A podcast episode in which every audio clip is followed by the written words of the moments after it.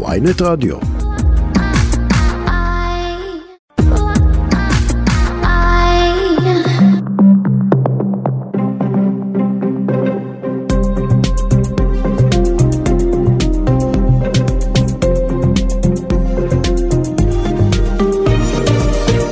עכשיו בוויינט רדיו, שרון קידון וישי שנרב. שבע ושלוש דקות, בוקר של שבוע חדש, אנחנו בכ"ב בטבת. שלום לישי שנרב. שלום לשרון קידון, מה אתה נשמע? יודע מדוע ציינתי את אה, העובדה שמדובר בכ"ב בטבת? כי את אה, מנהלת את כל חייך לפי התאריך העברי, מפנקסי הצ'קים ועד... אה, צ'קים. כן. הרבה זמן לא שמעתי על אני צ'קים. מכיר אנשים שחותמים על צ'ק, יש חוק במדינת ישראל שאומר שמותר לך, אם אתה מעוניין בכך, לחתום על הצ'ק בתאריך עברי. כן.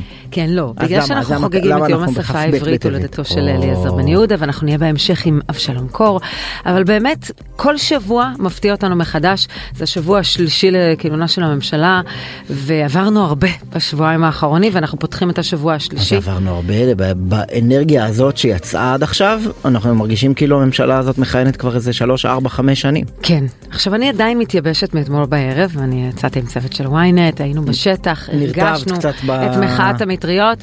אה, האמת שזה משהו שאנחנו רואים את הטור היום של ידיעות, בידיעות אחרונות של נחום ברנע, שעדיין מגיע לשטח והגיע אתמול רכוב על אופניים מביתו, רטוב, ממש רטוב, אבל היה בשטח. אין...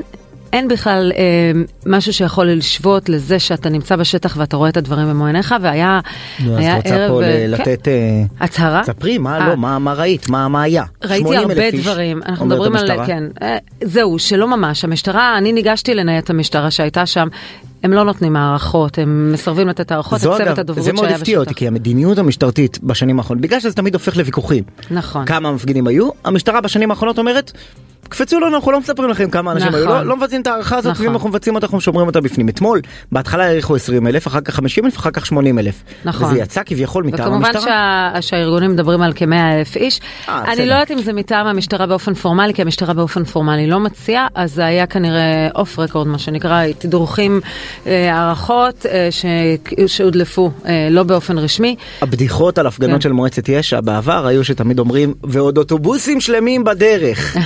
כל זה ועוד אוטובוסים שלמים בדרך. אז במו עיניי ראיתי כמות באמת בלתי נתפסת של אנשים, דוחק מאוד גדול. אני חושבת שהמשטרה התנהגה למופת אה, באירוע הזה. אנחנו ראינו משטרה שממש עמדה, ב, למעשה עמדה ב, בצמתים המשמעותיים, אבל לא, לא נכנסה לתוך הקהל.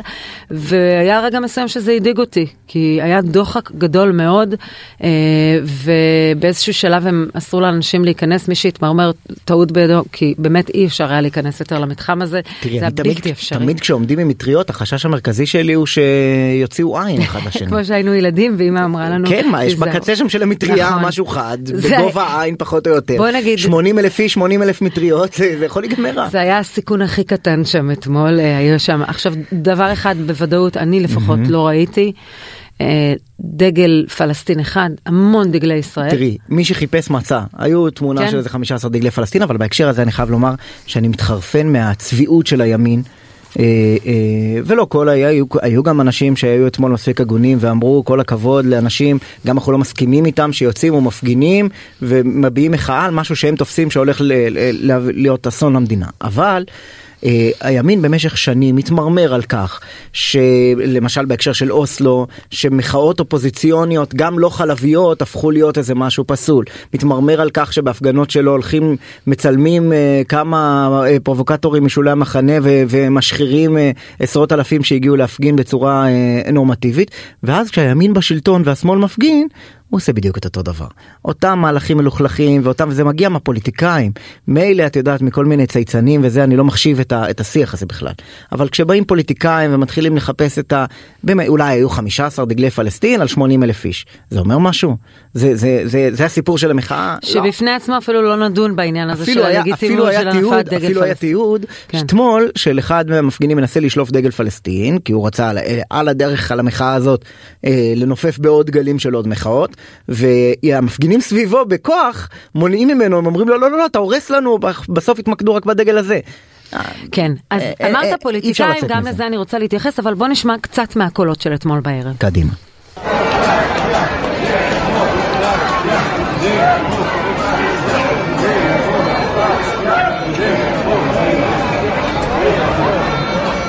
מדינה שבה יוצאים שופטים, אנשי צבא ובכירי השירות הציבורי להפגנות רחוב נגד שינוי המשטר היא מדינה שנחצו בה כל הגבולות.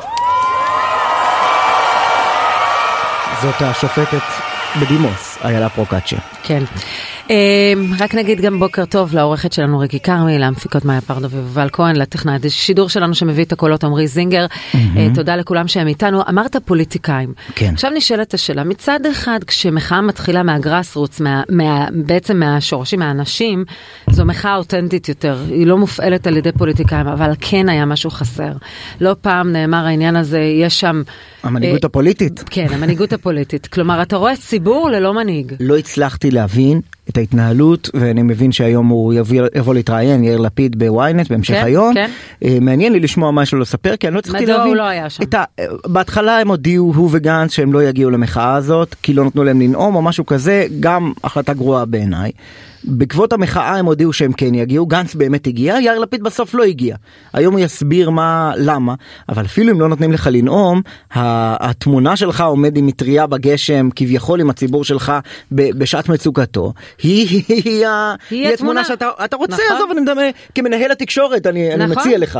לא, לא הצלחתי להבין את ההתנהלות. נכון, פגשנו שם לא מעט פוליטיקאים אתמול בערב, וכ- וכולם היו רטובים ועמדו בגשם, והיה בזה משהו מאוד אה, מאחד ומלקט, ודווקא העובדה שהם כן. לא צריכים להיות רק על הבמה, זה בסדר גמור שהם יהיו בציבור, והנה אחד כזה, פוליטיקאי לשעבר. רגע, ו-having said that אה. ביחס לה- להפגנות, שכשאני באמת מתרשם מה, מהסוג הזה של הפגנות, אה, העובדה שאנשים שהם על הפיירול הציבורי עושים שימוש בכוחם ובתפקידם כדי אה, לצאת נגד הממשלה בכזאת עוצמה, היא בעייתית, היא אה, דבר זאת שאנחנו אומרת? צריכים למנוע. אופוזיציה. אני מדבר, לא, האופוזיציה לא יכול להיות שהמנהיגה האמיתית שלה היא אסתר חיות, שהיא בסוף לא נשיאת בית המשפט העליון, ולא יכול להיות. לא, מה זאת אומרת, אה, נושאת, תארי לך שבתקופת אה, אוסלו יבוא הרמטכ"ל ויגיד בנאום ציבורי, כן, אני לא שם על כל מה שהממשלה אומרת, אני לא לא אממש את זה בחיים ואני גם לא מוכן לא פתוח למשא ומתן.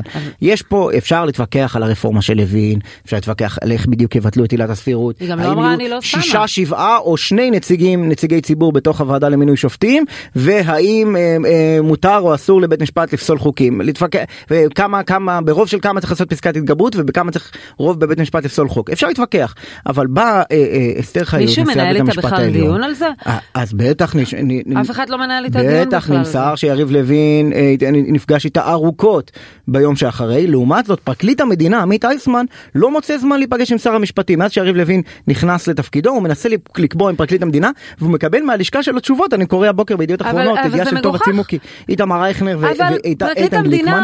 לא קיבל שום התראה לפני שהוגשה- שהוגשו הצעות החוק האלה. הם לא ישבו עם אנשי המערכת, אז עכשיו הם רוצים להיפגש אחרי שהם הגיעו את הטיוטות של ההצעות חוק. סליחה, מי- עכשיו בדיעבד רטרואקטיבית לא ישבו איתם בכלל. אני חושב שבדיוק הגישה הזאת- הגישה הזאת- אתה נפגש עם האנשים ולומד את המערכת לפני שאתה מה- מגיש הצעות. והטענה ש- שהם נתנו, אה, אה, שזה בא בהפתעה למישהו, יריב לוין נותן פה פרומו של 30 שנה. לכוונות שלו. הוא לא ישב עם אדם לפני שהוא כתב הראשון. את ההצעה שלו. פורום קהלת אה, הגיש הוא לו אפילו טיוטה. אומר, הוא אפילו אומר חברים אני מגיש את זה כהצעת חוק ראשונית רק בקריאה ראשונה בוא נדון בוא נדון אז במקום להיות אה, דובילולו של הזה ואנשים שוב אני אומר פרקליט נשמע המדינה לך שהוא הולך לדון פרקליט במשהו? המדינה לא מוכן להיפגש עם שר המשפטים נותן לו תירוצים שאין לו זמן בלוז אז הוא זה- ייפגש. זה זה אה, אה, חרפה לאומית מעבר לזה יש כמה חרפות לאומיות קצת יותר גדולות לטעמי, אבל אנחנו נגיד זה- שלום זה מאוד סמלי. לאלוף במילואים, חבר הכנסת לשעבר יאיר גולן, שלום לך. שלום, בוקר טוב, וחבל לי שישי שנרב רואה בפגישות, נכונות או לא נכונות, חרפה לאומית, החרפה הלאומית זה ניסיון של יריב לוין פשוט לרסק את מערכת המשפט, להפוך את ישראל למדינה לא דמוקרטית. זו החרפה, זה לא רפורמה כן. במערכת המשפט, זה חיסול מערכת המשפט. בואו נהיה אמיתיים עם עצמנו, לפחות פה בשעת בוקר מוקדמת זאת בתחילת שבוע, נדבר אמת. הרפורמה הזאת ואתה באמת קורא אתמול אתה באמת קורא אתמול אחרי ההפגנה אתה אומר ההפגנה הייתה היא חיסול מערכת המשפט. אתה אומר ההפגנה אתמול הייתה דבר טוב ויפה, אבל אתה קורא לצעדים יותר חריפים למרי אזרחי של. ממש, למשל, אה, אה, אה, לא להיפגש עם שר המשפטים. לא, לא, לא. אני קורא לשני, לשימוש נרחב בשני הכלים שעומדים לאזרחים שלא מוכנים להתעורר בבוקר אחד ולגלות שהם כבר לא חיים בדמוקרטיה. ושני הכלים שעומדים לרשות הציבור זה זכות ההפגנה וזכות השביתה. ואנחנו נפגין בעוצמה הרבה יותר גדולה ולא רק במוצאי שבת, ואנחנו נשבות באופן שהמשק ישותק עד שהממשלה הרעה הזאת תבין שאי אפשר אה, פשוט לבטל את הדמוקרטיה, כי בא לנו. יריב לוין יש לו איזה שאני לא יודע מה, איזה של רגשות אה, איבה קדמוניים כלפי מערכת המשפט. הוא לא מבין במערכת המשפט הזאת, הוא מנסה פשוט לחסל אותה. אה, יריב לוין לא אה, מבין במערכת המשפט. לא, הוא ממש לא מבין, הוא ממש לא מבין. או בוא נאמר ככה, יכול להיות שהוא מבין מצוין, והכוונה שלו שישראל תהיה דיקטטורה. כי המשמעות של הרפורמה של לוין היא שלמעשה לרשות המבצעת יש כוח בלתי מוגבל, לרשות המחוקקת יש כוח בלתי מוגבל מתוקף רשות מבצעת שעושה מה שהיא רוצה, וזהו, אין מערכת איזונים ובלמים, ודמוקרטיה ללא מערכת אה, איזונים ובלמים היא לא דמוקרטיה. אתה, אתה יכול להסביר שנייה מה הכוונה בשביתה ומה כולל המרי האזרחי שאתה קורא לו? תראו, ראיתם שביתה של אה, אה, עורכי הדין אה, בסוף שבוע שעבר, וזה הרמפים. יותר ויותר סקטורים יגידו, תודה רבה, אנחנו לא מוכנים שיגנבו לנו את המדינה, אנחנו לא משתפים עם פעולה, נקודה. זה הכל, לא צריך יותר מזה. ואני אה, מתנגד נחרצות למה שאתה אמרת לגבי נשיאת בית המשפט העליון. נשיאת בית המשפט העליון הייתה מאופקת וממלכתית ונמנעה מלצאת בהצהרות עד שהגיעו מים עד נפש. יש גבול שבו גם משרת ציבור, עובד ציבור, לא יכול להגיד יותר אני שותק. להפך, חובתו, אם הוא רואה שהמסד הדמוקרטי של המדינה קורס, חובתו לקום ולדבר. כמה אנשים אומרים לך בהפגנה אה, שזיהית תהליכים לפני כולם? היית הראשון לזהות? אני לא סופר אותם, אבל זה, זה הרבה מאוד. אה, אני גם לא מתגאה בזה יותר מדי, אני רוצה כן, לומר... כן, זכור לי שהתנצלת אני... אחרי ההתבטאות ההיא דווקא. אני התנצלתי רק בפני ניצולי השואה אם מישהו מהם נפגע מהדברים, אבל... אה, אבל היום אתה אומר להם וואלה המצב די דומה למה שהיה אצלכם. עמד, עמד, עמדתי מאחורי דבריי אז ואני עומד אה, מאחוריהם היום, העיקר בדבריי בכלל לא הייתה השוואה, אה, אני גם מוזמנים לחזור לטקסט ולקרוא אותו, העיקר בדבריי היה ההתראה על כך שישראל מאבדת את חוט השדרה המוסרי שלה וללא חוט שדרה מוסרי, ללא צדקת הדרך אין לנו זכות קיום כאן. ואת זה אנחנו צריכים להבין. אישה השתמ... כל אזרח okay. אוקיי. שרוצה, שחי פה, בתנאים הקשים האלה, בתנאים המאוימים האלה של מדינת ישראל, צריך להתחיל לחוש שהוא חי במדינה צודקת, במדינה הגונה, במדינה כן. דמוקרטית. ישי קודם, רגע, אני רוצה לא, לחזור לא, למשהו שאתה כן. אמרת, דיב... אה, אה, שאלת לגבי נשיאת העליון, האם זה לא דומה לרמטכ"ל שלמעשה יקבל החלטה כמו ההתנתקות, או החלטה כמו אוסלו, ויגיד אני לא מוכן לבצע אותה? במה זה שונה? כי כל ההחלטות הקודמות הן החלטות על מדיניות. פה זה לא החלטה על מדיניות, זה החלטה על שיטה. תראו, אני שירתתי 38 שנים במדים, לעיתים מדיניות הממשלה הייתה מקובלת עליי, לעיתים לא. תמיד חשתי, אני אומר את זה באמת בהן צדק, mm-hmm. תמיד חשתי שזו ממשלה שלי, שבין שזה מקובל עליי ובין שלא, אני נאמן לשיטה, כי ההחלטות התקבלו בצורה דמוקרטית, האנשים שקיבלו את ההחלטות נבחרו בצורה דמוקרטית. אוקיי. Okay. המדינה הזאת היא מדינה הוגנת, מדינה ראויה, לא נטולת פגמים, אבל אני מקבל עליי את השיטה, ולכן מקבל עליי גם את ההחלטות. ועכשיו פה מה? פה קורה משהו אחר לגמרי. פה זה הפיכה שלטונית, שלמעשה הופכת את מדינת ישראל לדיקטטורה. ואנחנו לא מוכנים לחיות בדיקטטורה. לא הבנתי, ההחלטות, הבחירות לא נעשו בצורה דמוקרטית? הבחירות כן, הממשלה הזאת מאמצת כרגע מדיניות ביחס למערכת המשפט שתחסל את מערכת המשפט. ואם זו, ואם זו המדיניות, רגע, רגע, זו, ישי. רגע, לא, אני, אני, אני סקרן לשמוע את תשובתך. כן. אם זו מדיניות שהיא כן מקובלת על רוב האזרחים במדינה. ויש אה, אה, קואליציה של 64 לעומת אופוזיציה של 56 והוציאו אתמול 80 אלף איש להפגנה בגשם שזה אה, בלי שום טיפת ציניות באמת מרשים אבל מה לעשות הם לא הרוב ראינו את זה בקלפי אתה מחוץ לכנסת. כל מה שאמרת אמת נכון ויציב אני אומר דבר פשוט אנחנו נילחם על זה לא ניתן לממשלה שנבחרה כחוק, כחוק. אני בניגוד לנתניהו שטען שממשלת בנט היא ממשלה בלתי לגיטימית אני לא אומר שהממשלה הזאת לא לגיטימית, ההחלטות שלה לא לגיטימיות. וההחלטה הזאת לשנות את שיטת המשטר במדינת ישראל היא החלטה לא לגיטימית, ולכן אנחנו נילחם בה בכל הכוח. אני חושב שרבים מאזרחי ישראל מבינים את זה. אני אגיד לך יותר מזה, בהפגנה אתמול אני פוגש הרבה מאוד אנשי ליכוד שאומרים לא ניתן לזה לקרות, לא לזה התכוונו. אני לא יודעת אם אנשי ליכוד, אבל ראיתי לא מעט חובשי כיפות בהפגנה, באמת היה, לא, לא, לא, קהל מגוון לחלוטין. אנשים, שהזדהו בפניי ואמרו לי, אני הצבעתי ליכוד, אני לא מוכן שתהיה פה הפיכה שלטונית. צריך להגיד שרבים מאנשי הליכוד די מרוצים אה, מהכוח, צריך לשים את זה במסגרת, אבל עדיין יש לא מעט שלא. הרגשת את מה שאני הרגשתי אתמול? שלמעשה היה קהל גדול, או איך שאומרים, עדר גדול ללא רועה. היה שם, לא הייתה שום מנהיגות פוליטית שלמעשה עמדה שם. מה אתה חושב על זה שלפיד בכלל לא טרח להגיע, שהוא היושב ראש, יושב ראש האופוזיציה? ציטטנו פה בשבוע שעבר את, ה, את ההתבטאות שלך, שאמרת, גנרל לא שולח את החיילים לקרב ויושב לבד בבית.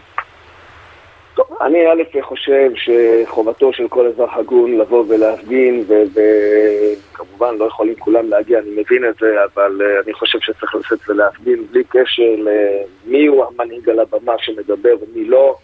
Uh, זה לדעת, זה הכלל שאני גוזר על עצמי, אני לא נושא שום תנאים בהקשר הזה, זה פשוט מתייפה. אבל אה, אני חושב שהמדיניות של המארגנים עד כה הייתה מדיניות של כביכול לא לקשור את ההפגנות לזהות מפלגתית. אני מעריך שהמדיניות הזאת תשתנה בחלוף הזמן. בסופו של דבר מנהיגים פוליטיים אה, צריכים לעמוד בראש תנועות, גם אם הן לאו דווקא פוליטיות, אה, מפלגתיות. לא, אבל ראינו שהיה מנסור עבאס, היה אה, גנץ, היה אייזנקוט אתמול בערב, היו, היית אתה, היו כל אנשי מרצ. אז הסיפור הוא מה, שלא נתנו ליאיר לפיד היחידי שלא הגיע? בוא נעשה את זה פשוט, אני לא חושב שזה הנושא המרכזי. לכן שאלנו אותו בדקה עשירית לראיון בערך. אני, אני קורא ליאיר לפיד לבוא ולהפגין בלי קשר אם הוא נואם או לא נואם, זו, זה המסר שיש לי בנושא הזה. השאלה היא אבל אם המחאה הזאת באמת לא אה, תיפגע בגלל קרבות אגו בצמרת, כמו שזה נראה עכשיו. אני יכול להעיד רק על עצמי, אני שם את האגו בצד, מתייצב כחייל פשוט, אפגין בכל כוחי ואתרום את כל מה שאני יכול על מנת לא לאפשר לממשלה הרעה הזאת, ממשלה שמורכבת מאנשים מושחתים, לאומנים קיצוניים גזעניים וחרדים סקטוריאליים להפריד, לא אתן לה להוביל את מדינת ישראל, אני חושב שזו ממשלת אסון לישראל. אני, אני מוכרח להגיד, להעיר מילה על הרטוריקה שלך. כן. יש מאחורי האנשים האלה יותר משני מיליון מצביעים שהצביעו להם והם תומכים בחלק מהשינויים שלהם. אתה חושב שאתה תוכל להתווכח איתם רק באמצעות רטוריקה מאוד מאוד חריפה, להגיד שהם כולם גזענים, סקטוריאליים ו... לא הם, המנהיגים שלהם. הם בחרו במנהיגים האלה. הם בחרו במנהיגים, וזה לא תמיד, כמו שאנחנו מכירים במדינות, לא תמיד הבחירה מעידה על האנשים הבוחרים, אנחנו מכירים את זה היטב. למען הסר ספק, יש אנשים הגונים, טובים וישרי דרך בקרב המתנחלים, בקרב החרדים, בקרב uh, הליכודניקים, בוודאי ובוודאי. חלקם הלא מבוטל גם חברים טובים שלי, אתה יודע, זה לא נכון, אין, אין, אין שום קשר. אני רוצה לומר דבר אחד, מדינת ישראל קרתה לה תאונה פוליטית חמורה ביותר. שגררה אותנו לתקופה אה, של כמעט ארבע שנים של חוסר יציבות פוליטית, ובקצה מה שקיבלנו הוא ממשלה שצריך להודות על האמת, מורכבת מאנשים מושחתים, או מעולם לא הייתה ממשלה בישראל שהורכבה מכל כך הרבה אנשים שיש להם כתבי אישום, שהיו מורשעים, שישבו בכלא, זה דבר שהוא פשוט בלתי נתפס.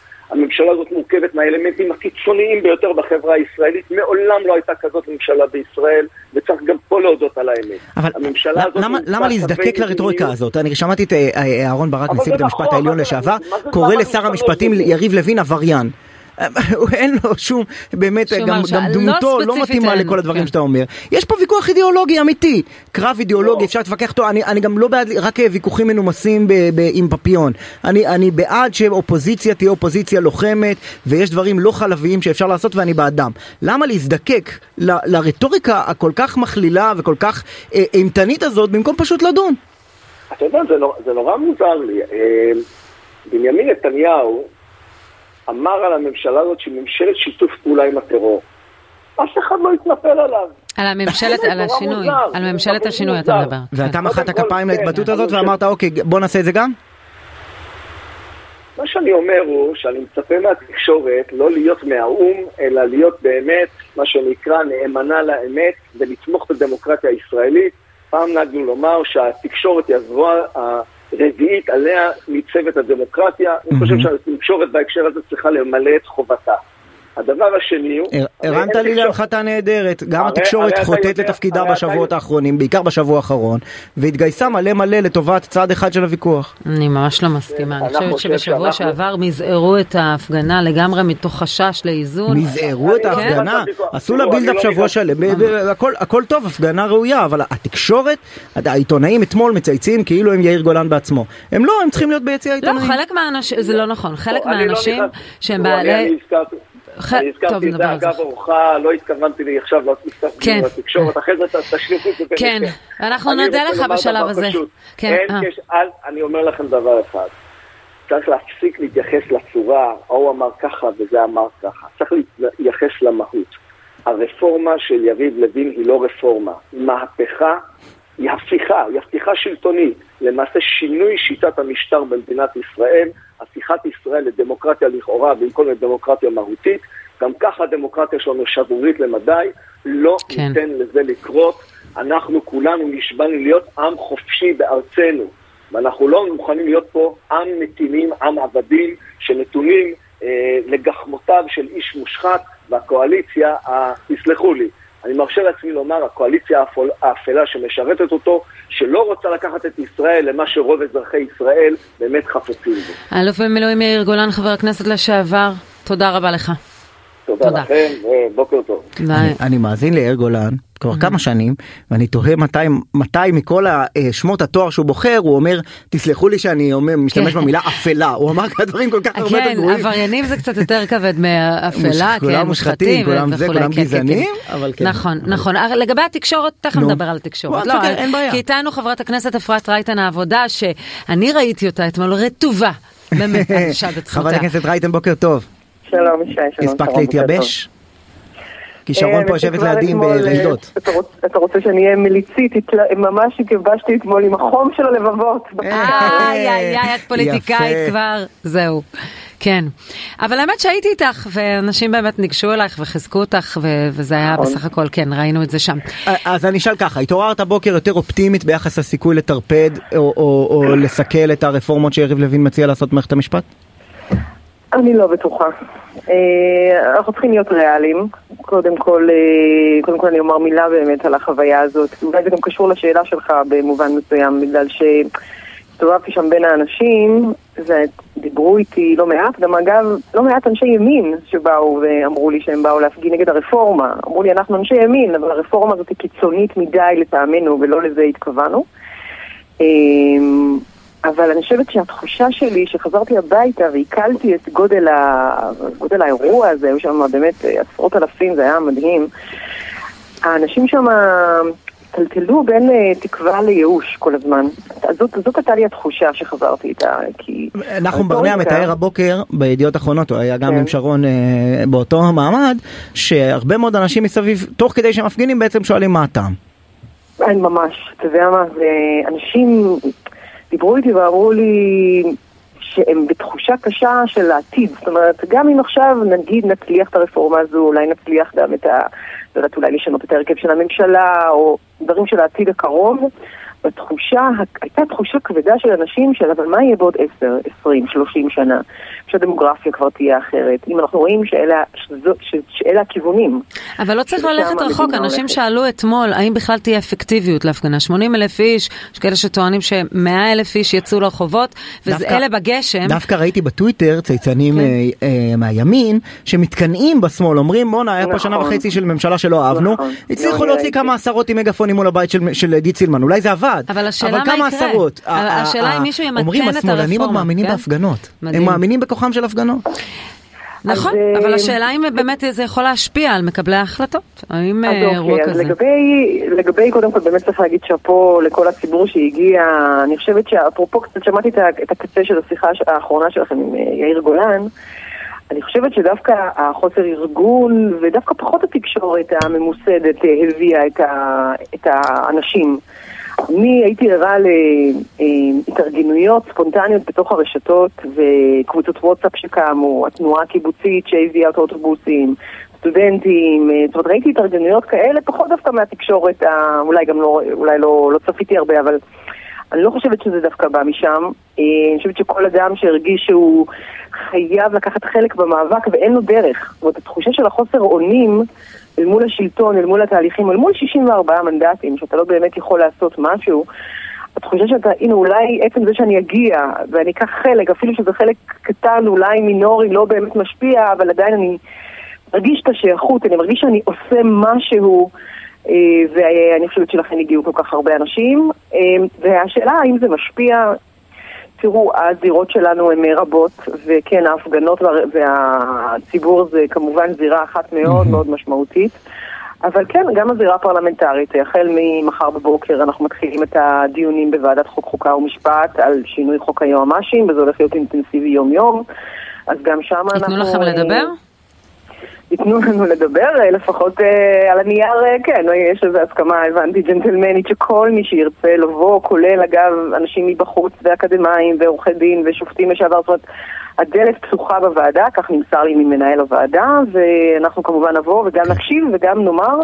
אז יש את כמובן את הזירה הפרלמנטרית, יש את הזירה המשפטית והתקשורתית. שאלה ככה מהיציע. יש, יש קולות, אני חושב שכרגע מי שנושא את הלפיד הזה זה רק אך ורק הנשיא הרצוג, שאומרים בואו ננסה במקום אה, אה, לצ, לרקוע ברגליים ולצעוק בכל הכוח לוקחים לנו את המדינה לכיוון שאנחנו לא אוהבים, אה, בואו ננסה להגיע לאיזה פשרה, להושיט יד, ל, לדבר עם יריב לוין, יצא אתמול איזה ידיעה, איזה דיווח של בכירים בליכוד שהם פתוחים להצעות ולשינויים, ובואו בוא, בוא, בוא, בוא נתווכח, נשנה מבפנים מה שנקרא. איך את ביחס לאמירה הזאת, לגישה הזאת? אני, קודם כל אתה יודע, אני אדם שלא לא, לא סתם אני נמצאת במחנה של, ה, של ההידברות. כמובן שלגמרי אני חושבת שזה, שזה יכול להיות, תמיד זה יכול להיות רעיון מצוין, אבל אם אני הקשבתי נכון ומקשיבה נכון לרטוריקה גם של יו"ר ועדת החוקה, גם של שר המשפטים, כולם מדברים, אנחנו נחושים, אנחנו, רוצ... אנחנו באנו למשול, אל תפריעו לנו. אגב, באמת זה המשפטים שאני שומעת באופן אישי כשאני בכנסת. באנו למשול, זכינו ב-64, ניצחנו, ניצחנו, הובסתם, אנחנו לא סופרים אתכם. או להזכיר לך אפילו לפני כן, עדיין מהדהדים בי אותם משפטים שכשאני הייתי בקואליציה, ושמעתי את חבר הכנסת דודי אמסלם למשל, כשאנחנו נחזור לשלטון אנחנו נדרוס, אנחנו נרמוס, אנחנו נכניס אתכם, לה, את היועצים כן. המשפטיים למכלאות, זאת אומרת, הדברים האלה... בטענה שזה מה שאתם עשיתם להם, כן? זאת הייתה... קודם כל נאמרו הדברים, אחר כך אפשר להתחיל לשאול האם זו הייתה ביצה או תרנגולת, כן. אני, אפשר לפתוח על זה דיון, אני מוכנה בכיף. אני רוצה לדבר איתך אבל על מנהיגות. אני מרגישה שקורה היום. אני רוצה לדבר איתך על מנהיגות, זה משהו שעלה גם בשיחה קודם עם יאיר גולן. נכון. התחושה הייתה של אנשים שזקוקים למנהיגות, ולא הייתה שם מנהיגות. אז אתמול לא הייתה שם מנהיגות, אה, מה שנקרא by definition ובכוונת אה, מכוון. המארגנים שארגנו את המחאה הגדולה, נדמה לי שזה היה תנועה ל... לאיכות השלטון, כמה ארגונים אה, עמדו מאחוריה? הייתה שם החלטה, הייתה החלטה לא לשים כן, אבל כמו שמנסור עבאס עמד בגשם וגנץ עמד בגשם עם מגפון, אה, מרב מיכאלי, אפשר היה, נכון. את יודעת, ואת היית, אפשר היה... כן, היו, היו, היו הרבה מאוד פוליטיקאים. לצפות שיושב ראש האופוזיציה יהיה שם. אז רגע, אז קודם כל פגשתי שם לא מעט פוליטיקאים אה, וחברי כנסת, גם יש עתיד, גם המחנה הממלכתי, גם כמובן העבודה, היינו גם בתל אביב וגם בחיפה. ו... ואנחנו מאוד מכבדים, אני גם נדמה לי שאמרתי לך, אני חושבת שדווקא ההפגנה הזו שהייתה מאורגנת על ידי הציבור ועממית יותר והייתה כולה תחת הכותרת נגד הרפורמות, הייתה טובה ונכונה, אני מאוד מאוד נפעמת ממה שהיה אתמול וזה אולי גם עונה לשאלה ששאלו אותי שבוע שעבר, מה זה, יש לכם פה ברדק, יש פה יותר מדי ארגונים וכל אחד לוקח למקום אחר, זה באמת ככה היה שבוע שעבר. ראיתם שזה בלי כיוון. אתמול כבר היה כיוון. אתמול יכולתי להסתכל על כל מי שנמצא שם, וזה באמת המחנה הדמוקרטי מבחינתי, ככה אני ראיתי את הדברים. אנשים שחרדים על הדמוקרטיה ועל הליברליות, על הפלורליזם, וזה חיבר בין כולם. אז אחרי לא, ההתפעלות והמליצה, אין שם אף אחד? היא- כמשפטנית דווקא. אני ראיתי למשל את ההתבטאויות של שר המשפטים לשעבר, אה, פרופסור דניאל פרידמן, שהוא אמנם שייך, אני לא יודע מה האידיאולוגיה שלו, ה- הפוליטית-מדינית נקרא לזה ככה, אבל ברמה המשפטית הוא כן שייך, הוא אפילו אבי המחנה הזה שבקצה שלו יש את רוטמן ויריב לוין. והוא הוא התייחס עניינית, הוא אמר, תשמעו, הרפורמה הזאת לדעתי היא כיוון טוב, יש כמה דברים שאני לא מסכים, אני חושב שהם אה, יזיקו ל- לאיזונים בין הרשות המבצעת לרשות השופטת, הנה 1, 2, 3. למה מהמפגינים אנחנו לא שומעים את הצליל הזה, אלא רק צלילים אפוקליפטיים? אני אסביר לך למה. כי התחושה שלי, ואולי אם אני יכולה לדבר שלנו, היא באמת רמיסה ודריסה וחוסר רצון אפילו לדבר. זאת אומרת, עצם זה שמיד אחרי הבחירות, ממש ימים ספורים, המופע, הצהרה לתקשורת ערב הדיון של דרעי, ושימוש ברטוריקה, ושימוש באמת כל כך קיצוני בכל כך הרבה אה, יוזמות, בעצם, אתה יודע, אני ממש רואה לנגד עיניי איך היוזמות האלה והצעות החוק מכתרות את בית המשפט. כי זה גם היועמ"שים, וזה גם פסקת ההתגברות, וזה גם שינוי הוועדה לבחירת שופטים, וזה, ו, ו, וזה גם שיטת הסניוריטי, וזה כל כך הרבה דברים שאתה אומר, בבת אחת אתה לוקח את הכל, שם פטיש חמישה קילו, וזה באמת ה-D9. אז למה בעצם אתם ה-D9 מגיעים ל- לדיונים בוועדה? אם את חושבת שהדבר מילה. מנוי אני וגמור. אסביר, אני אסביר, אבל כשאתה הרי משתמש ב- ב- ב- בביטוי, אותו ביטוי שנכנס כבר ללקסיקון של כולנו, ה-D9, למה הוא בא? הוא בא להרוס, הוא לא בא לבנות, הוא בא למחוק. לא אני, אני מציע שכל פעם שמישהו. מזכיר את ה-D9 הוא יצטרך להיזכר גם מי אמר את ההתבטאות הזאת ובאיזה הזדמנות. כי אני זוכר, אבל. אבל נדמה לי ש... אורי אריאל. לא, לא לא, אורי לא. אריאל, מוטי לא? יוגב. מוטי יוגב. מוטי יוגב, נכון, כשהרסו את אתה צודק. בתי דריינוף בבית-אל. מי זוכר את זה? למה זה כזה חשוב? זה הפך לסמל, אבל, אבל להפך, בא יריב לוין... דווקא העובדה שזה סמל, זה משנה, זה לא משנה לא, זה הקונטקסט, הפך זה לסמל אצל משנה... הצד השני. כן. אבל, אבל העניין הוא שבסופו של דבר, אה, אה, אה, המח... אה, שאני מספיק זקן כדי לזכור את אהרון ברק בתקופת איילת שקד אומר אוי ואבוי קודם כל לעצור את כל הרפורמות. אתם רוצים לדון על, על שינוי האיזונים? אתם לא אוהבים את מה שאני עשיתי בשנות התשעים? בואו נדבר על זה אבל קודם כל תעצרו את הרפורמה הרפורמות היא איום.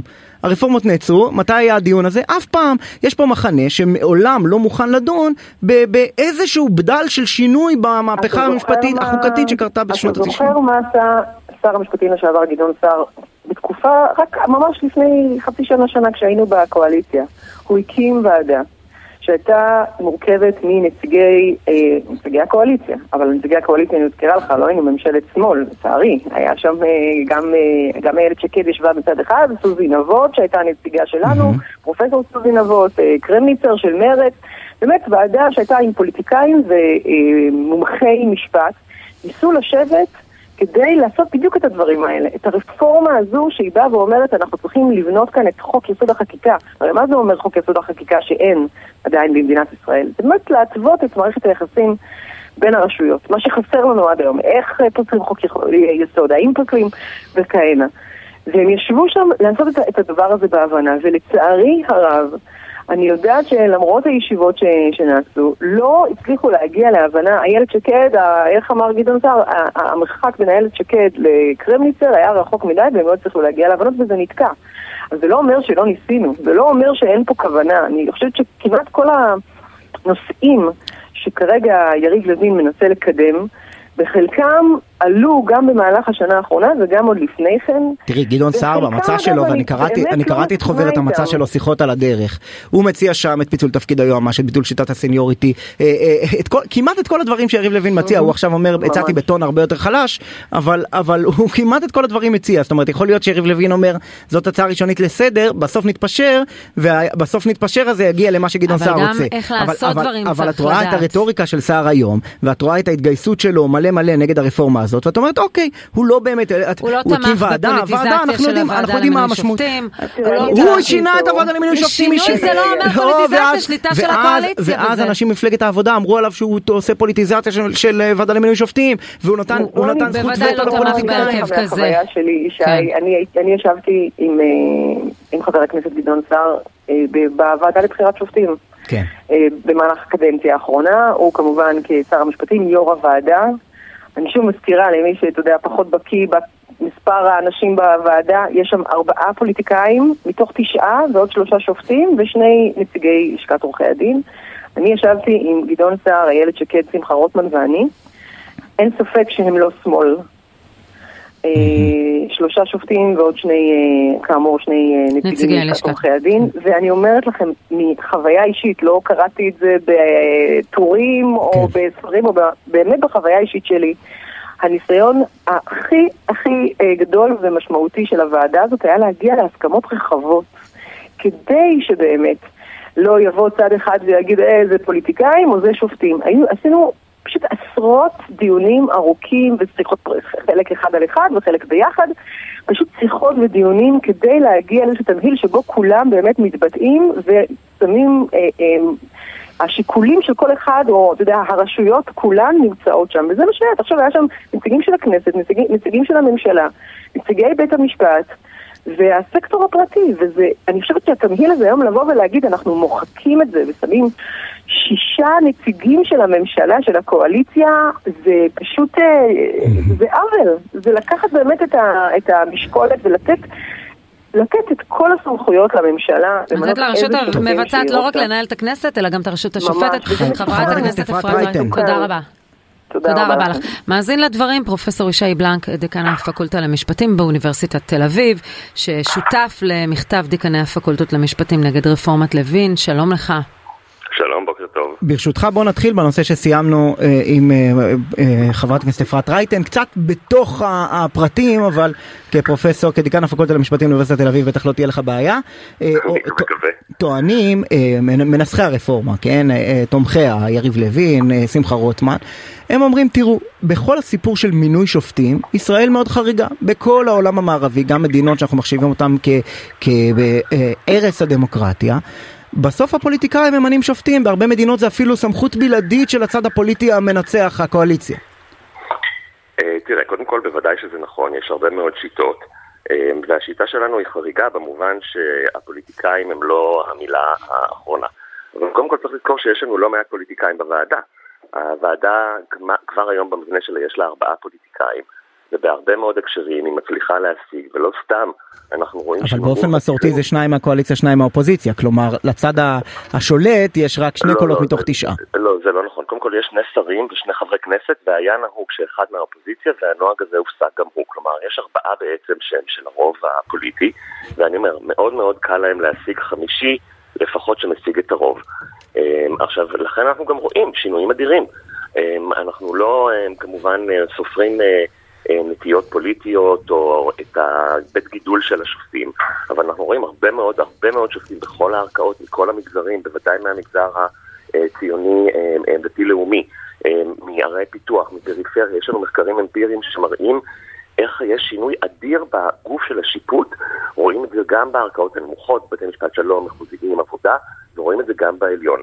ולכן ברור שאנחנו אה, אולי שיטה חריגה, כמו שאמרת, במובן של המילה האחרונה, אבל זו שיטה שיש בה איזונים מאוד עמוקים. ולכן להציג את זה כאילו מה שיש זה לא, אבל, אבל, אבל המילים האחרונות, המילים. האחרונות של לא אפרת נכון. רייטן היו נותנים לפוליטיקאים שליטה מלאה במינוי שופטים, אוי ואבוי, איפה הדמוקרטיה? וטוענים אה, רוטמן ולוין, ככה זה בכל המדינות המתוקנות. תראה, אני ניסיתי להציג עמדה שניסתה קצת להראות תמונה יותר מורכבת. לא, אני- ניסית להציג חוזר- תמונה ביחס לישראל, אבל אני. אומר, ונניח שלוין לא ורוטמן מסכימה. לא רואים כמוך את הדברים, הם לא מרוצים מהכהונה של איילת שקד שהצליחה להכניס אה, מה שנקרא אנשי שלומה לתוך המערכת, והם רוצים לשנות את השיטה מיסודה. בסוף, איך אפשר לטעון שזה לא דמוקרטי אם כל המדינות הדמוקרטיות פועלות ככה? אני רוצה לומר קודם כל, אני לא מדבר על אנשי שלומה, ואני לא חושב שהמינויים שאיילת שקד השיגה הם לא מינויים ראויים, זה לא מה שרמזתי. עזוב, אני אומר, משהו לא- לא לא אחר. מינויים ראויים, מינויים יותר שמרנים. בסדר. אז אני רק אומר ככה, במדינות הדמוקרטיות המתוקנות שעליהן מדובר, יש חוקה עם מגילת זכויות אדם כתובה וברורה. אצלנו, כפי שאתם יודעים, כפי שאתם יודעים, אנחנו לא מצליחים להגיע לדבר הזה. יש הרבה מאוד מחלוקות על עצם זכויות האדם. ולכן, אני רוצה גם לומר, אני לא, אני לא אפרת רייטן, ואני אמנם מגיע אחריה ומתנגד לרפורמות, אבל אני רוצה בכל זאת להגיד כמה דברים משלי. אני חושב שהבעיה היא, כמו שאמרנו, זה לא דווקא ברפורמה כזו או אחרת. יש מקום לחשוב על הרכב ועדה לבחירת שופטים, יש מקום לחשוב על פסקת התבגרות, יש מקום לחשוב על מעמד הייעוץ המשפטי. על כל הדברים האלה יש מקום לחשוב, ואני חושב שבמרביתם צריכות כנראה גם להיעשות פשרות ואיזונים אחרים ממה שיש עכשיו. המכתב דיקנים למשל, שאני כותב אותו, יש בינינו הם, הם, באמת מגוון רחב של עמדות ודעות, והטענה היא אבל שמה שהרפורמה עכשיו עושה זה הסתה פרועה של האיזון. ובאמת לתת אך ורק לקואליציה שלטון מלא של שישה מתוך 11 קודם כל, ואחרי זה עוד, אה, אה, כן, עוד רוב, אה, אה, אה, סליחה, של שבעה אה, בעצם שיהיה להם. ואנחנו עוסקים, ב, הייתי אומר, בפוליטיזציה לא ראויה של המערכת השיפוטית כולה. אגב, גם אם רוצים למשל שהרכבו של בית המשפט העליון ייקבע בצורה יותר פוליטית, אפשר לעשות הבדל בין הרכב הוועדה לבית משפט עליון, שבו באמת נניח נקבעות הסוגיות החוקתיות החשובות ביותר, לבין ערכאות מקצועיות גרידא. אני חושב שזה אינטרס של כולנו, שמה שיהיה קודם כל במערכת, בבית משפט שלום, עבודה מחוזית, זה אנשים מקצועיים, להפוך את כל הדבר הזה לפוליטי לחלוטין. אני באמת לא מבין למה. אגב, כמה, מעניין כמה מהדיקנים מסכימים להצע, לחלוקה הזאת שהצעת עכשיו. אה, אני לא יודע, זה יכול להיות, אני אומר, אנחנו לא, לא הצגנו איזושהי עמדה מגובשת לגבי כל הדברים. אנחנו קודם כל ראינו דברים חמורים ברפורמה כמו שהיא מוצגת היום. אבל כשאתם... יש מקום לחשוב בצורה הרבה יותר מורכבת על הדברים. כשאתם אומרים דמוקרטיה, אין משמע שקיימת זהות מלאה בין השלטון לעם בכל רגע נתון. תסביר לי את זה. אז אני רוצה לומר כך, תראו, דמוקרטיה, ברור שיש לה את ההיבט של שלטון הרוב, אבל זה לא ההגדרה שלה. דמוקרטיה, מהשם שלה, נכון, זה שלטון העם, ההיבט האחר זה שלטון עצמי, ומנגנון שלטון הרוב הוא מנגנון שנועד להבטיח את זה. עכשיו, העם הוא כל אחד ואחת מאיתנו. אנחנו לא נפקיר את, ה, את הזכויות שלנו, כן, את, ה, את, את הדברים שחשובים לנו ביותר בתור פרטים, לאיזשהו שלטון, אם נדע שתמיד אנחנו מפסידים בו. נכון, המטאפורה הידועה שדמוקרטיה לא יכולה להיות אה, שני זאבים בכבשה שמחליטים את מי אוכלים לארוחת ערב. זה לא, זה לא יכול להיות. ולכן בילט אין לתוך הדמוקרטיה יש את ההגנה על הזכויות, לא של המיעוט, אלא של כל אחד ואחת מאיתנו. ולכן גם במענה לשאלה הקודמת, אין בעיה, לא שאין בעיה, ברור שמנגנונים רובניים, מנגנונים קריטיים, הם נמצאים בליבה ובנשמתה של הדמוקרטיה. אבל במקביל גם הזכויות של כל אחד ואחת מאיתנו. ואנחנו דואגים, אני עכשיו דואג באופן אישי, שמה שיש לנו זה מנגנון שלא מבטיח את הדבר הזה. זה מנגנון שהוא כל כולו נותן שליטה לרוב פוליטי איטי, כן, כלומר מזדמן או, או ברגע מסוים, ולא חושב על השאלה מה קורה, איך אנחנו מבטיחים שהרוב לא הופך להיות כזה שדורס לא את המיעוט דווקא, אלא גם כל אחד ואחת מאיתנו. אתה בעד חוקה? לנסח עכשיו חוקה למדינת ישראל שתבסס את הקונצנזוס הרחב בעם ואז uh, להקים בית משפט לחוקה או משהו כזה שיהיה פסילת חוקים על פי החוקה? תראה, משפט לחוקה זה שאלה אחרת. אתה חושב שמישהו יצליח להסכים על חוקה? אני חושב שפעם, פעם, מי אה, יקבע את החוקה? פעם דווקא הצד, אה, הצד של המוחים אתמול בהפגנה היה בעד ניסוח חוקה, ואז קצת דמוגרפיה קצת השתנתה ודעת הקהל השתנתה, והיום את לא שומעת את זה, אהרון ברק אמר בית משפט לחוקה זה ג'וק שצריך להרוג אותו שהוא קטן. לא, אז, אז קודם כל סליחה, אבל יש הבדל בין חוקה לבין בית משפט לחוקה. זאת אומרת, יש הרבה מאוד מדינות שבהן יש חוקה, ואין בית משפט לחוקה שהוא נפרד מבתי משפט. כמו בארצות הברית, הסופרים קורט. אה, אה, נכון, אה, למשל, למשל בארצות, נכון, למשל בארצות הברית, וגם באנגליה, זאת אומרת, אני אומר, קצת יותר שיטות המשפט המקובל, שאנחנו יותר שייכים להם, אבל אני אומר, אנחנו לא צריכים לחסום שום אפשרות מראש. לגבי חוקה, זה תהליך מאוד מאוד ארוך, ואני, כשאני אומר שאנחנו, לפחות אני, מתנגד לרפורמה הזו, זה לא אומר, אה, ונדחה את זה לנצח עד שנכתוב חוקה. לא, יש דברים בין לבין. אפשר למשל לחשוב על חוק יסוד החקיקה, שחושבים עליו כבר הרבה מאוד זמן, מנסים לנסח אותו הרבה מאוד זמן, והוא שם בבסיס שלו גם עיקרון של הגבלה על, ה, על הכוחות כן. של הפרלמנט.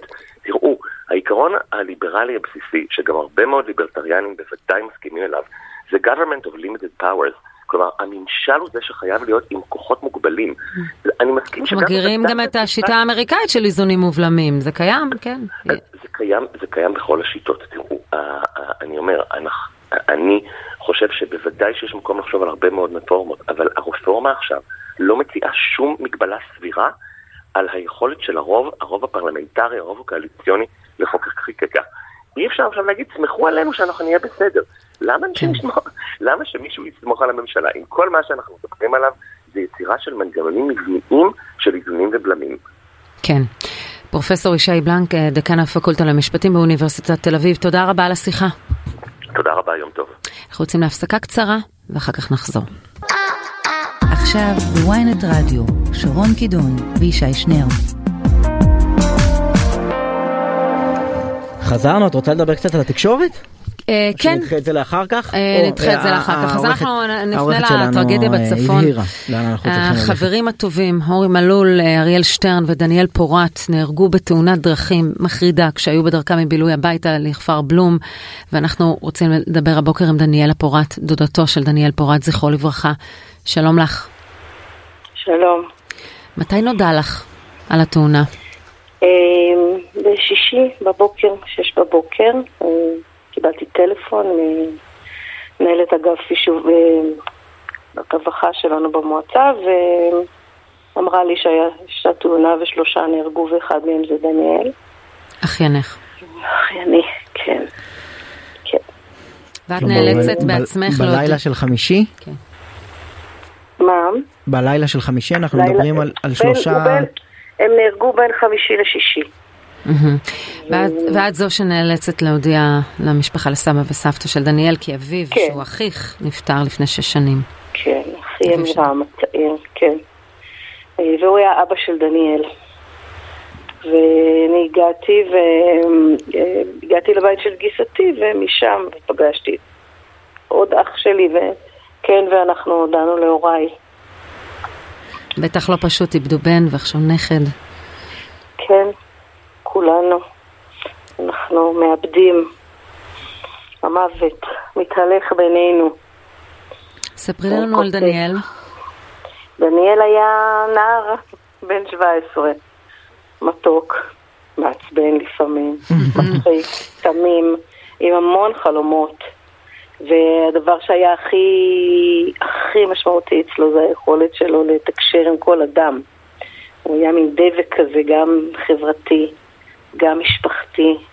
היה לו קשר עם כולם, קשר טוב ועמוק. במיוחד גם עם שני החברים שנהרגו איתו. היה שם קשר כנראה מאוד עמוק וארוך שנים. ו... הם היו שלישייה וחזק. כזאת. כן, כן. עבדו ובילו יחד. עבדו ובילו והיו וגרו באותו קיבוץ. ו... כן, כן. ומה אתם יודעים. עכשיו על נסיבות התאונה? אנחנו לא כל כך יודעים. האמת, אה, אני אגיד לך שזה לא, לא כל כך, אני לפחות, לא כל כך עסקתי בזה. זה, זה כל כך לא משנה. גם אין כל כך מי שיספר. הם שלושתם אינם. אנחנו יודעים כמה זה קשה שהרבה פעמים אה, אחרי טרגדיות כאלה וזה מאוד אנושי מחפשים את יודעת מחפשים את האשם מחפשים מישהו מחפשים רוצים ללמוד כל פרט. ואת אומרת פה בעצם שחררתי את זה אין מה לעשות. לגמרי, זה כל כך לא דרכנו. לא דרכי, לא דרכנו, של המשפחה שלנו. הצער הוא צער, היגון יגון, אה, מה, מה יועיל כעס, מה יועיל חיפושי אשמים, ודניאל לא יחזור אלינו יותר. זה, זה מה שזה. דניאלה הזכרתם אה, קודם שרון הזכירה את אחיך אה, אמירם אבא של דניאל שנפטר לפני שש שנים הבנתי. כן. גם ממש אה, החודש מציינים את יום. פטירתו. כן, הוא נראה נפטר ב-21 בינואר. אה, כן, לפני שש שנים, וכבר התכוננו ללוויה שלו, לאזכרה שלו, סליחה, ו... והנה זה קרה, ודניאל ייקבר לידו. ואימו של דניאל, איך היא מתמודדת עם באמת אסונות כבדים דניאל- מאוד שתקפו אותה? אמא של דניאל ממוטטת אה, לגמרי. אה, ואנחנו עוטפים אותה, עוטפים את ההורים שלי, עוטפים את האחים של דניאל, יש לו שלושה אחים, מהמם. צעירים ממנו, לא אחות ושני אחים.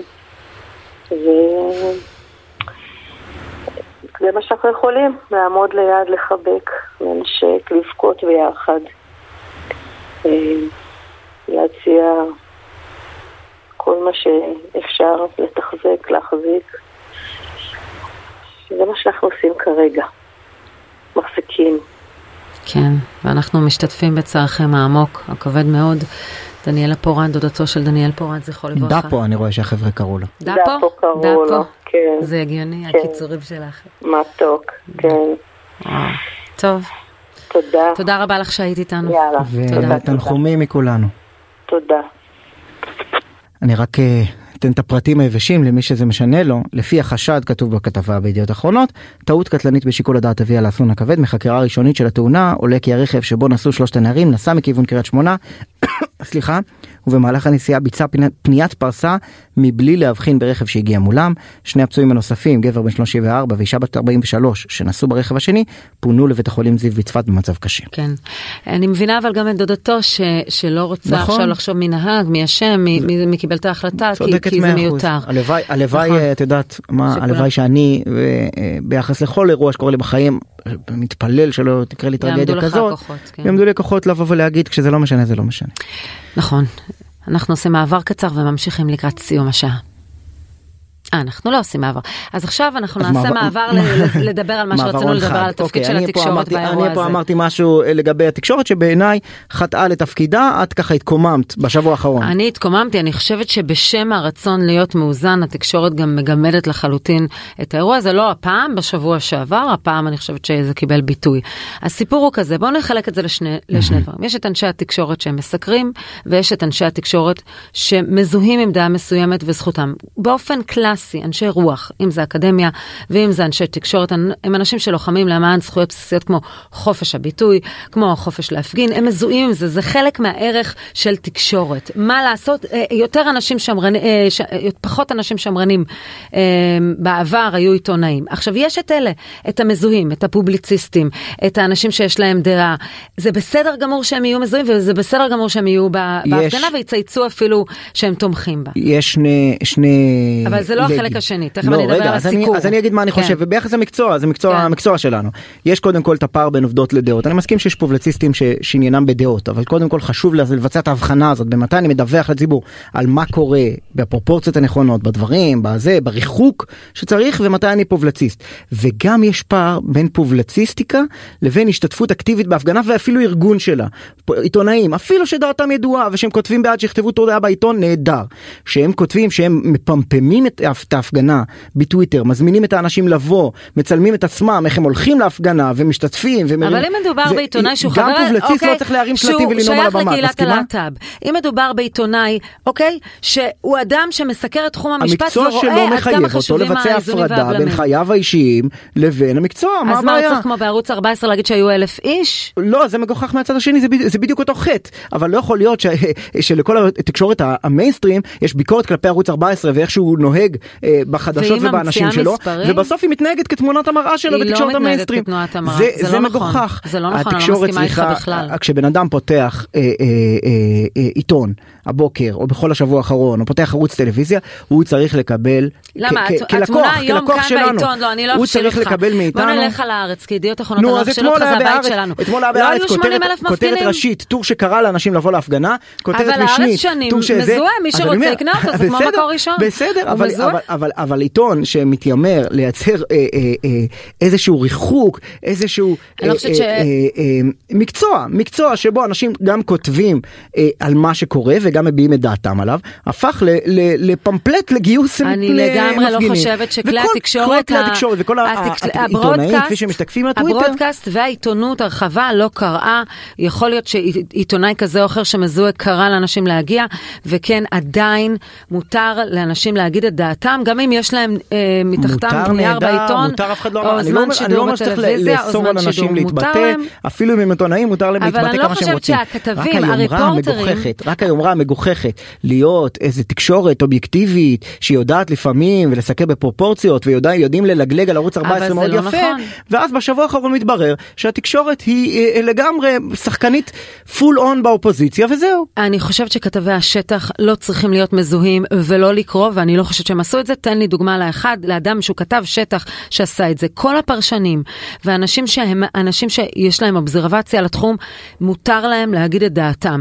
ובסוף בסוף כל העניין הזה, התקשורת היא גם רגל של הדמוקרטיה, חוץ מהרשות השופטת, הרשות המבצעת והרשות המחוקקת, ל, לרשות, לאותה, לא רשות, כן. סליחה, לעיתונות שהיא איננה רשות, אבל היא עדיין רגל מסוימת של הדמוקרטיה, יש לה גם תפקיד. יריב לוין תופס שהרפורמה שלו היא מצילה את הדמוקרטיה ומה ש... שאהרן ברק עושה זה אנטי דמוקרטי. אנשים שמקבלים דפי מסרים, רטוריקה. מבחינתי, לא משנה אם הם מרב מיכאלי או מלפיד או מנתניהו, הם לא עיתונאים. הם עית- עית- עיתונאים זה אנשים שמותר להם גם להחזיק בדעה, אבל היא נוכח התרשמותם האישית, אני- נוכח אני מזמין הסיקור אותך, שלהם. אני מזמין אותך כן? לצפות בסרט נפלא שנקרא כל אנשי הקמפיין של אה, ענת גורן הגזמת, על קמפיין שאני 2006 ותראי שם איזה עיתונאי מקבל דף מסרים ומקריא אותו וגם פשוט ראינו בשידור מערכות חי. תקשורת שעובדות, הכל ברור, אה, היה... בסדר, אני אומר, אה, אה, התנהגויות שאנחנו יודעים לזהות אותן ביומיום כפסולות, זה לא הכשר לאמץ אותן. וזה נכון אגב, בדיוק כלפי מה שאמרתי קודם, הפוך, על, על הקואליציה לא עכשיו. לא- הקואליציה עכשיו לא במשך שנים, זה. מחנה, המחנה הימני, הבלוק הימין, שעלה לשלטון, מתמרמר במשך שנים, לדעתי בצדק, על זה שהפכו הפגנות אופוזיציה ללא לגיטימיות, שכל פעם שהם התבטאו קצת באיזה, האשימו אותם בהמרדה, ש, שמשתמשים במילה הסתה כדי לטרפד זמן- ביקורת, ואז הם עולים לשלטון, ואז הם עולים לשלטון והם עושים את אותו דבר. טוב, אנחנו מסיימים את השעה הראשונה, אבל הוויכוח לא ייפסק, הוא יהיה כאן עדיין, נכון, גם בשעה הבאה, בסדר, אל ויכוח תדאגו. התקשורת, עזבי, כן, עיתונאים אוהבים. לדבר על עיתונות, נכון. אה, זה גם חטא אז המקצוע. נודה לפעמים. לעורכת שלנו לריקי כרמי, למפיקות יובל כהן ומאיה פרדו, לטכנאי השידור שלנו עמרי זינגר, אנחנו נהיה איתכם, ישי שנרב ואני, גם גם בשעה בשעה הבאה. הבאה, חדשות וחוזרים.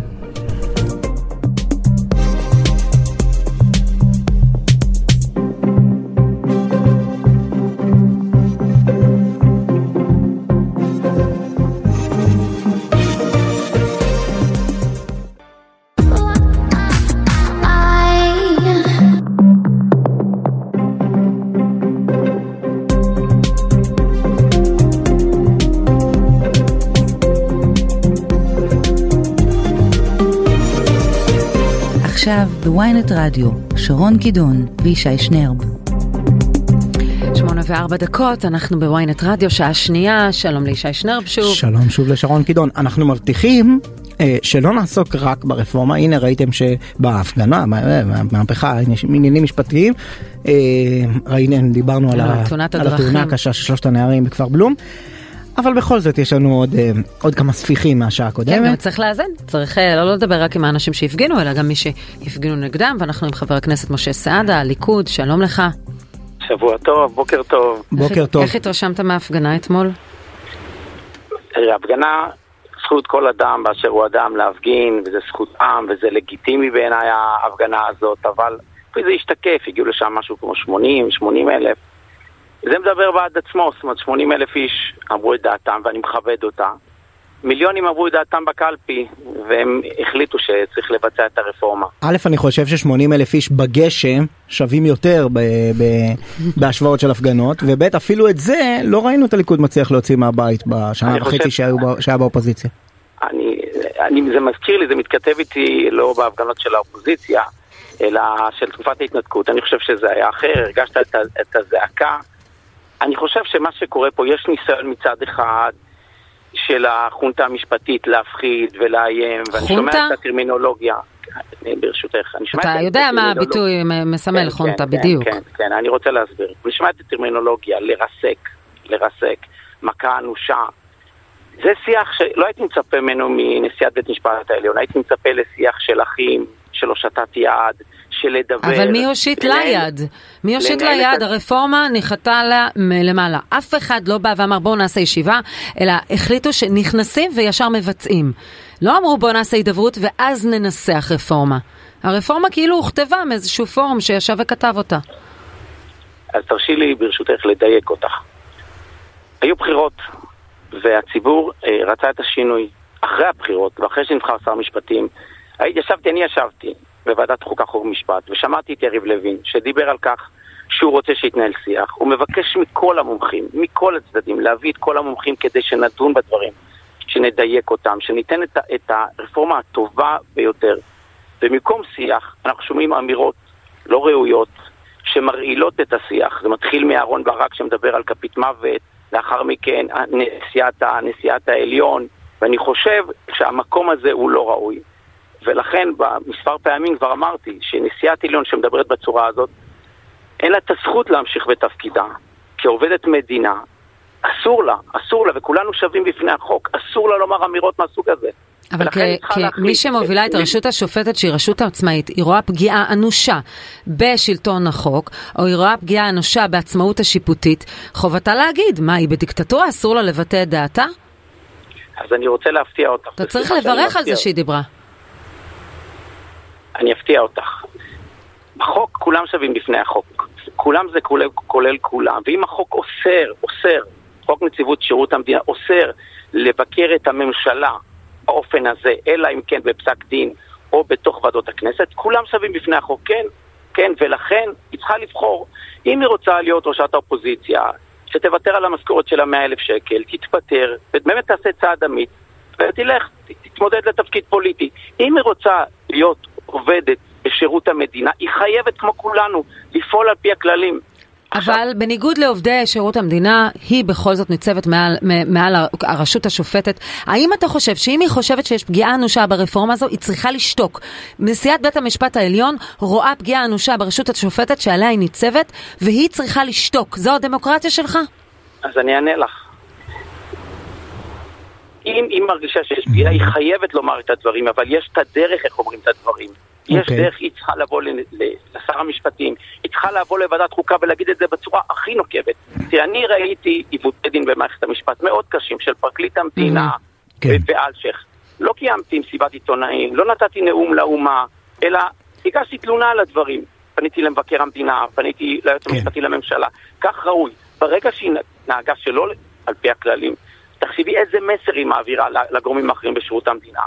ומסר שלא כולם שווים בפני החוק ויש שווים יותר. אבל, אבל חבר הכנסת משה סעדה, אני, רואה, אני רואה את ההתנהלות שלכם בקואליציה אל מול ההפגנה שהייתה אתמול, ואני תמה, שנים שמענו את הימין מתמרמר, אולי בצדק, על זה שמחאה אופוזיציונית מתויגת כלא לגיטימית, שהתבטאויות קשות ישר אומרים זה המרדה, שהולכים לחפש בשולי המחנה איזה כמה מפגינים פרובוקטיביים וצובעים את כל ההפגנה באיזה צבעים אה, לא לגיטימיים, והנה אתם עושים בדיוק את אותו דבר.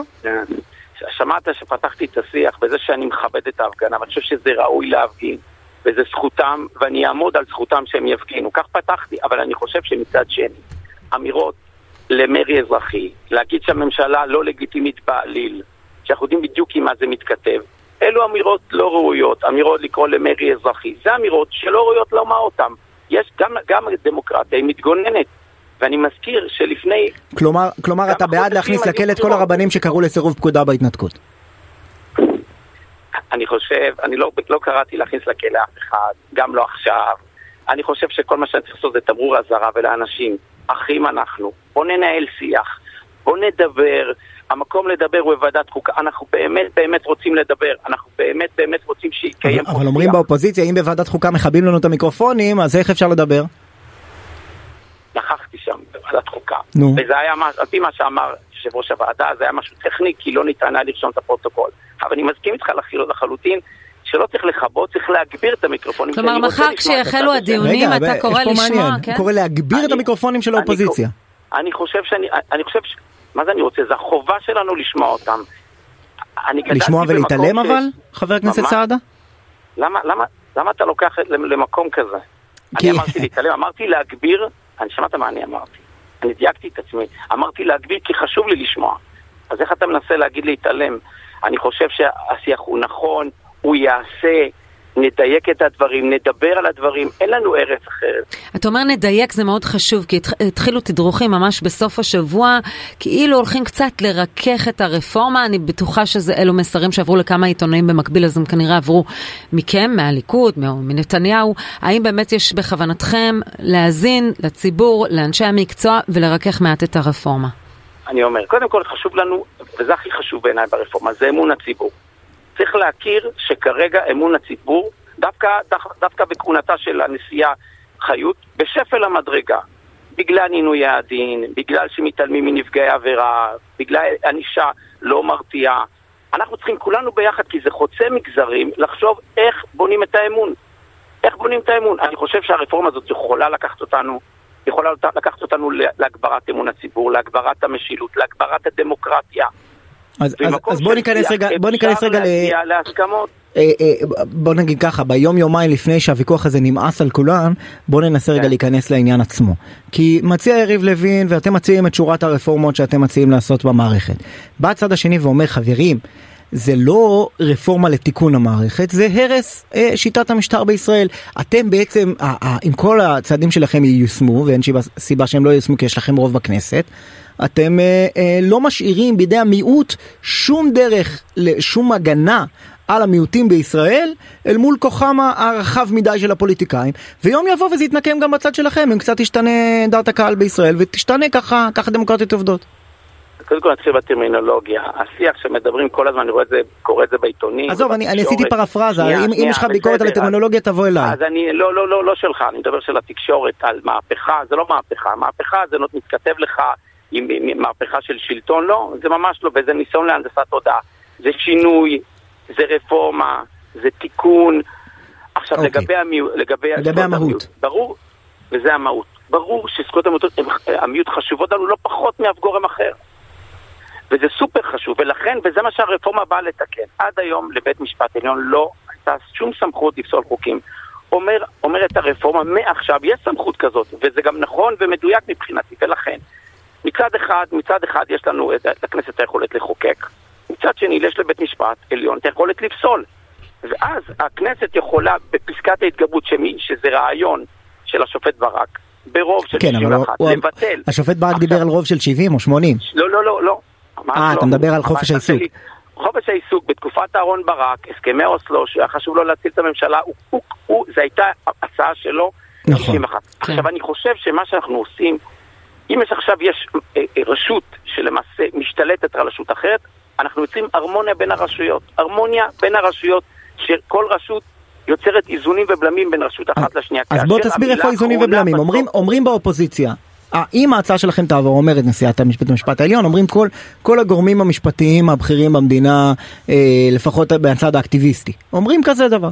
אם מחר תהיה רוב של 61 בכנסת בעד למשל אה, אפליית ערבים ביישובים בגליל, אז, אז לא יהיה אף גוף במדינה שיכול לעצור את זה. באותה מידה, אם בעוד עשר שנים קצת ישתנה ויעביר אה, אה, 61 חברי כנסת שיגידו חרדים לא יכולים לקנות דירות ביישובים כאלה ואחרים, לא יהיה גוף במדינה שיכול לעצור את זה. אז שני דברים, רוב 61 זה, זה לא רוב פשוט, וגם אנחנו נתנגד לכל חוק, אנחנו כאינדיבידואלים, וגם הליכוד, חוק שמפלה. כי אנחנו אנשי זכויות, לא פחות מהשמאל. יש לכם שותפים קצת יותר קיצוני בעניין הזה, אבל רגע, אבל, שמעתי אבל מדבריך, האם בסופו של דבר זה ייסגר על רוב גבוה יותר מאשר 61? תני לי להשלים את מה שהוא שאל אותי, ברשותך. לכן אני אומר, גם אנחנו אנשים של, שחושבים בעד זכויות אדם, ו-61 זה לא רוב פשוט, זה לא רוב מקרי. ואני מזכיר לך שבית משפט העליון יכול לבטל, בית משפט עליון אחד יכול לבטל גם חוק כזה. כך שבסוף זה משאיר את הסמכות לבית משפט עליון.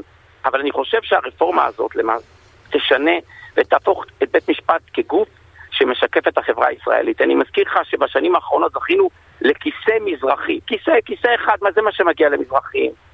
ולכן זה ישתנה, נזכה לראות שופטים אה, לאומיים, מזרחיים, אנשים מאג'נדו שמאל, בית משפט העליון ישקף את החברה הישראלית, וזה איך, מה שנכון, איך, וזה איך הוא ישקף אם, אם יהיה רוב לפוליטיקאים, ושירצו כמובן להנכיח את התפיסה האידיאולוגית שלהם, איך הוא ישקף את כל הציבור? אני חושב שהוא ישקף, כמו שאנחנו יודעים, מי בוחר את מבקר המדינה היום? שהוא איש חשוב ומשמעותי בחברה. הכנסת. הפוליטיקאים, הפוליטיקאים. הם נבחרי הציבור. נבחרי הציבור משקפים את רצונם, הם נבחרים כל ארבע שנים. ולכן אותם נבחרים, במסגרת השיח, שיתקיים שיח, יבחרו את האנשים הראויים כן, אבל אתם טועים בזה לא- אתה לא חושש, שאתה חושב אתה לא חושש שנהיה כמו ארצות הברית, שבסוף זה יתהפך? זאת אומרת, אחרי 30 שנה הימין האמריקאי צריך להכניס מספיק אנשים לבית המשפט העליון, ועכשיו השמאל האמריקאי מדבר על פסקת התגברות ועל כל מיני רפורמות שיחלישו את כוחו של בית המשפט. אני סומך על החברה הישראלית, על הדמוקרטיה. אני חושב, אני חושב שבחברה הישראלית, לכן לא הגיעו רק 80 אלף, כי רוב האנשים מבינים, מבינים באמת, שלא כצעקתה. זה בסך הכל התופי טם-טם, שאנחנו שומעים, זה הגמוניה שרוצה לשמר את הכוח שלה, וזה כמו גוף הישרדותי ששומע רפורמה והוא נלחץ מצופף שורות, זה מה שקורה. אני חושב שלאזרח הישראלי הרפורמה הזאת היא טובה, תגביר את אמון הציבור, ולכן במערכת המשפט, ולכן צריך להודות ליריב לוין על הרפורמה מוביל.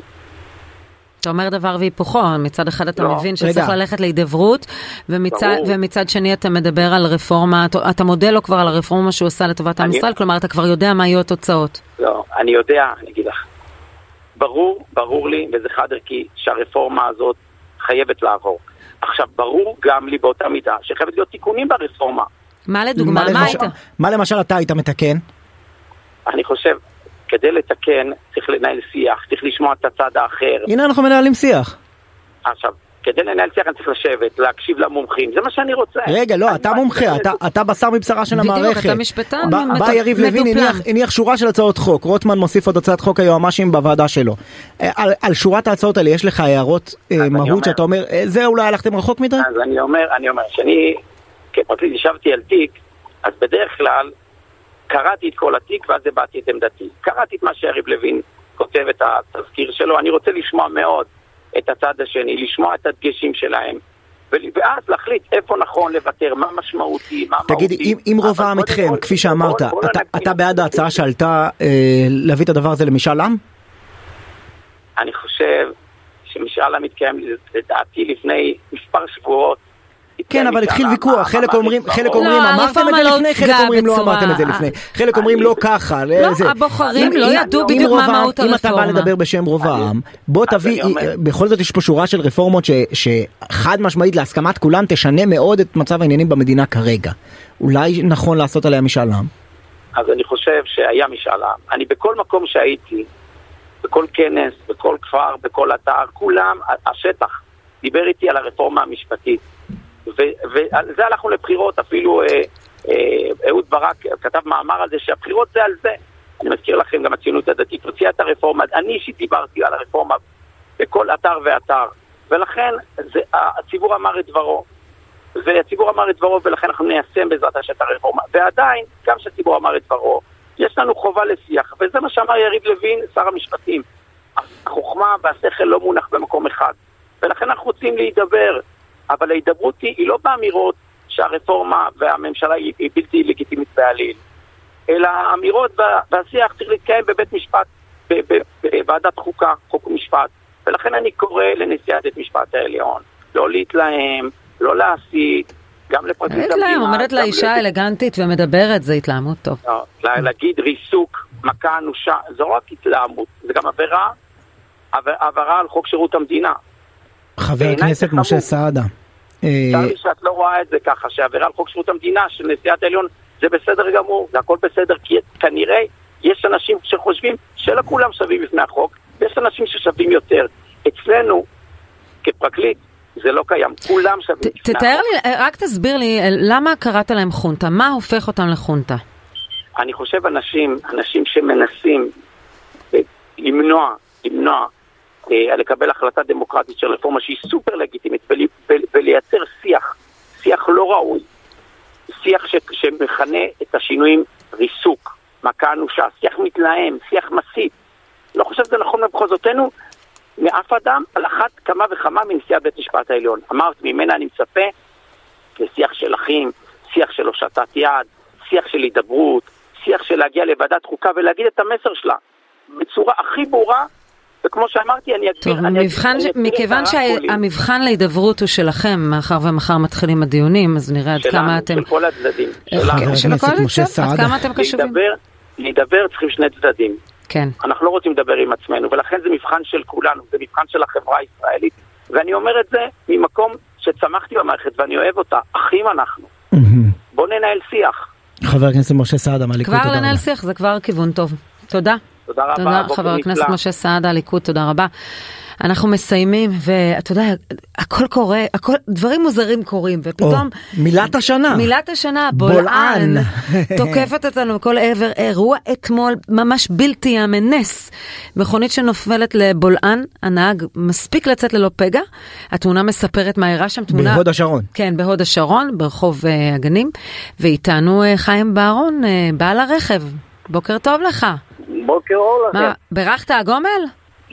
בירכתי על גומל ושיפטרו אותנו מבעלי הדם הכחול האלה, מהאליטה של בית המשפט. הבנתי את דעתך אה. לגבי הסוגיה הקודמת. אוקיי, בסדר, אבל- רגע, ל- לפני בית המשפט, אלה שגורמים לכל הבולענים. לפני בית המשפט, אה, הם גורמים לכל הבולענים? הם, הם, הם, בוודאות, בוודאות, זה פיגוע. כל הבול- הבולענים האלה זה פיגוע שאף אחד לא שם לב אליו. רגע, רגע, אתה אומר באמת? אמיתי, אמיתי, זה פיגוע, אין להם, הם לא נותנים למדינה להתנהל, מבלבלים את כל העם ואת כל השלטון. אבל איך זה קשור לבולען? איך הבולען איך- הזה איך שכמעט הבולען בלע שאתה אותך? והרכב שלך נפלו אליו אה, ק- קשורים לבית המשפט העליון? כי הם מפריעים לסמכויות לעבוד אף אחד לא, לא לוקח סמכות, יש פה אה, אנשים שלא עושים ביקורת לעבודות אה, תשתיות. אנשים לא מבקרים, כל אחד לא לוקח... אבל אתה יודע, מי שבנה את התשתיות לאורך אה, 12... עיריית הוד השרון עובדת עם- עם, אה, קבלן תשתיות, והוא לא בודק מספיק את התשתיות כולם שלו בגלל. בית המשפט? אפילו הצבא כבר לא פועל, לא עובד, אף אחד לא עושה את העבודה שלו. טוב. חיים, רגע, תכף נשמע בוא ממך. תספר לנו את הסיפור 12 קודם. שנה, דרך אגב, הייתה ממשלה אחרת, ובשנה וחצי האחרונה, אז מי אחראי לבולען? אני אומר לך שאף אחד לא רוצה לקחת אחריות, אף, אף מהנדס לא, לא מפקח, אפילו גנרלים בצבא לא עושים את העבודה שלהם, תראי איך הם גומדים לנו את הנשק. חשבתי שתצא אופטימי, ניצלו חייך, באמת, תמונה בלתי נתפסת. ספר- לנו. שתף אותנו מה קרה בדיוק. אני התרעתי, אף אחד לא לוקח אחריות. זה לא אנשים של פעם, גמרנו. בית המשפט השתלט לכולם על הראש, כולם פוחדים מתביעות, כולם פוחדים מתביעות ייצוגיות, אף אחד לא רוצה לעשות את העבודה שלו. טוב. כולם ראש קטן. ספר לנו, חיים, אבל מה קרה אתמול? זה מה- המדינה שלנו, ראש קטן בגלל הדם הכחול של ה... הבנתי, הבנתי, חיים, מתי התאונה קרתה? אתמול, בבוקר. אני עוד אפילו ככה אה, מתאושש מנסיעה קלה, אה, בקושי אה, נציל את הבוקר. לאן נסעת? נעצר, נעצר, יושב על הגחון, זהו, זה הייתי. לא אחורה, לא קדימה, אני... אתה נסעת במהירות לפני שהוא נעצר לא, לך? לא, לא, מהירות של חמש קמ"ש, עשר קמ"ש. סוף הכביש, אה, אה, דוח לא מוצא, סוף הכביש. בקצה הכביש, שם היה קיצוץ בצינור, נשאר רק קליפה של אספלט. עכשיו, אתה לא ראית אה, בכביש לפניך איזה חור בכביש, פתאום הרגשת פשוט שהרכב עוצר. תשמע, היה שם שיטפון של מים לאורך כל הכביש, וראיתי ועקבתי ונסעתי, וכשהגעתי כבר לסוף המעלה כבר... רגע. הקו איתך השתבש באמצע השיחה כאילו אתה בתוך בולען. אה, כן. אנחנו שומעים אותך פחות טוב פתאום. כן, הטלפון שלי ניצול שואה. אוי ואבוי לי. אה, אז תגיד לי רגע, שוב, הרכב עוצר, אתה מבין שאתה בדרך ל- להיכנס לתוך בולען או שאתה חושב שסתם המים עצרו אותך? ברור, ברור, מיד הבנתי שאני על קליפה דקה ולא יהיה סיכוי שאני אסע אחורה, לא קדימה. יצאתי לדחוף, ראיתי שזה לא, זה לא הולך, האספלט נבדק, נבדק, התרחקתי מהאוטו, האוטו שקע. רגע, הייתה לך ממש את החוויה הזאת שאתה עומד על הכביש, באת לדחוף את האוטו, ואתה מרגיש כן, שהכביש מתחתיך נסדק? להרים את הכנף, אה, לקחת אותו שידרדר אחורה, אבל אה, בשנייה, שנייה, שנייה, האוטו המשיך לשקוע, המשיך לשקוע במקום לעלות. מה מה קורה שם? איפה אתה עכשיו? איפה אני? אני ברחוב אה, ליד האוטו. ליד האוטו? אה, האוטו- מחלצים לך את האוטו? הביאו לי את האוטו הביתה. מה זאת אומרת? הוא לא טוטלוס? הוא טוטו, אתה והביאו לי אותו אה. הבאת, אבל אמרת לחברת ביטוח, אין. מצב, אני נוסע באוטו הזה. לא. הביטוח מכסה אה, אה, בליעה בבולען? בבקשה? הביטוח בכלל מכסה בליעה בבולען או שזה נחשב כוח עליון? אני לא יודע, זה לא בולון של כוח עליון, זה כוח... תראה, אתה נסעת בשבת, אני- לא רוצה להיכנס לנקודות, אבל אתה נסעת בשבת. כן, אבל... אני צוחק, אה, אני צוחק. אה, העיקר הגומל. אה, מחדל של... תגיד, אה, היה רגע ש- שאתה חושב, מתאר לעצמך מה היה קורה אם היית מתמהמה? אה, אם היית מתעכב? הייתי כן? משת- היה שואב אותי, היה שואב אותי, אימא'לה. אפילו ו- הרגשתי ש... שאני רציתי, חשבתי שאני מוכן להקריב את הבגדים שלי, אני ארד עד הברכיים לתוך הבור, אבל הבור הזה לא לקחתי אותי ש... מה העומק? מה העומק של הבור של הבולען? הבור הזה הסתבר שהוא היה בעומק של שלוש מטר, אחרי שהאוטו כבר אה, וואו. צלל, אז ראיתי את העומק של שלוש מטר. אבל מלא במים עד הסוף. המים אה, התרבו יותר מאוחר כנראה, אבל תוך כדי, כי אה, סגרו כבר את ה- את הזרימת מים. מה אמרו לך בעיריית אה, הוד השרון? הם אמרו לי שיטפלו בי, מכל המחלקות, הם דיברו איתי, אבל אה, בוא נראה איך הם יתעשתו הבוקר, איך יתחילו את השבוע. מה- הספקת. להציל מהרכב? כלום, אה, הוצאתי שם מה- מה- מהבגז, זאת אומרת, מהתא המטען, יוצא שם אה, כמה טילים עוד איזה שירים. לא, אבל זה אחרי, לא, לא במהלך, כשאתה, יוצא לא, מהרכב. לא, לא הצלתי כלום, רק את עצמך. סיגריות? סיגריות. סיגריות אה, ומה? אחר כך חזרתי לכבות את המנוע. אחרי שנייה, אחרי שנייה אמרת לי לכבות את המנוע, שלא יהיה לך מנוע. כן, לא הבנת מה מחכה לך. המנוע לא זה... ה- לא- לא האמנתי שזה ירד עוד ועוד ועוד. וואו. חשבתי שזה יעצור בחצי מטר. רגע, הכביש לא קרס בבת אחת, אלא לאט לאט לא, לא, שקע לא פנימה? בבת אחת, לא, לקח לו שניות, איזה יופי, איזה מזל, אלוהים שמר עליי. ממש, אלוהים ממש שמר עליך. שניות, שלב אחרי נו, אז אולי. החלטה, בכל זאת התחלת את החיים, נולדת מחדש היום. אולי- אולי תפסיק לעשן. לא יודעת, התעכבת נכון, בגלל נכון, אני הסיגריות. עובד על זה, אני עובד על זה הרבה זמן. כן? אז יכול להיות שהיום נולדה החלטה? אנחנו מאחלים לך בהצלחה, חיים בוארון. תודה. אה, בעל הרכב, בהצלחה גם מול חברת הביטוח וכל הכאב ראש שמחכה. לך. אה, ושיהיה לך חיים אה, בריאים, שלווים וללא בולענים. אמן. תודה תודה. שדיברת איתנו, חיים. תודה שדיברת איתנו. תודה. איי, איי, איי. טוב, אתה- אתה יודע שהיום אמרתי הכ"א בטבת, אה, כ"ב כ"ב. בטבת, אתמול היה כ"א בטבת, ובדרך כלל זה יום שנהוג בו לחגוג את יום השפה העברית, משום שזה יום הולדתו העברי של אליעזר בן יהודה, ומי אם לא. י- י- י- ישמח איתנו ביום הזה, אבשלום קור, שם נרדף באמת להחייאת וקידום השפה העברית בישראל. שלום לך. שלום לשרון צידון, שלום לישי שנר. שלום אבשלום, מה שלומך? ולהמוני מאזיננו בדרכים שיזדהרו בגשם, שישארו בחיים. בהחלט. אתה יודע, דיברנו קודם על בולען, וזו המילה שאולי חדרה לחיינו יותר השנה. אה, אתה, אתה מרוצה מזה שהצליחו להחדיר אה, מילה לא פשוטה ולא להשתמש באיזה עגל לועזית? אה, לפני שנים, לפני עשר שנים, הייתה החלטה שהאפליקציה תיקרא יישומון. קיבלנו בגלי צה"ל תשדיר של חברת החשמל, שקע, תקע וקריין. והם אומרים אפליקציה. סימן, לא מחקתי אפליקציה, כי זאת, המילה העברית היא חדשה, כתבתי יישומון פסיק אפליקציה. חברת חשמל הודיעו לקרן גונן, שניהלה את השיווק בגלי צה"ל, מעכשיו אה, אנחנו ניתן לקריין, אבל שקע ותקע יישארו עם אפליקציה. אמרנו, לא, גם שקע ותקע יגידו יישומון פסיק אפליקציה. סמנכ"ל חברת החשמל התקשר לאהרון דקל, שהיה סגן מפקד גלי צה"ל, שהיה אז מפקד גלי כן. צה"ל, ו- ואמר, והיה מפקד גלי צה"ל, ואמר לו, תשמע, אתם, גלי צה"ל, לא תהיו במסע הפרסום הזה של חברת החשמל. התקשר אליי אהרון דקל ואמר לו, שלום, אתה פוגע לנו בהכנסות. התקשרתי לאלוף במילואים יפתח רונטל, שהיה אז יושב ראש חברת החשמל, ואמרתי לו, תשמע, בנושא שאני מתקשר אליך, רציתי לדבר עם מייסד חברת החשמל, פרחס רוטנברג. מאז פטירת- מאז פטירתה הוא לא עונה. לכן אני שואל אותך שאלה פשוטה, מה יש לכם נגד העברית? והיום אנחנו מקבלים תשדירים של חברת החשמל וכתוב שם רק יישומון. אז עכשיו את יכולה להגיד, שרון, נכון, אבל ברחוב עדיין אנשים אומרים אפליקציה. בסדר, זה כל תהליך. אני זוכר ש...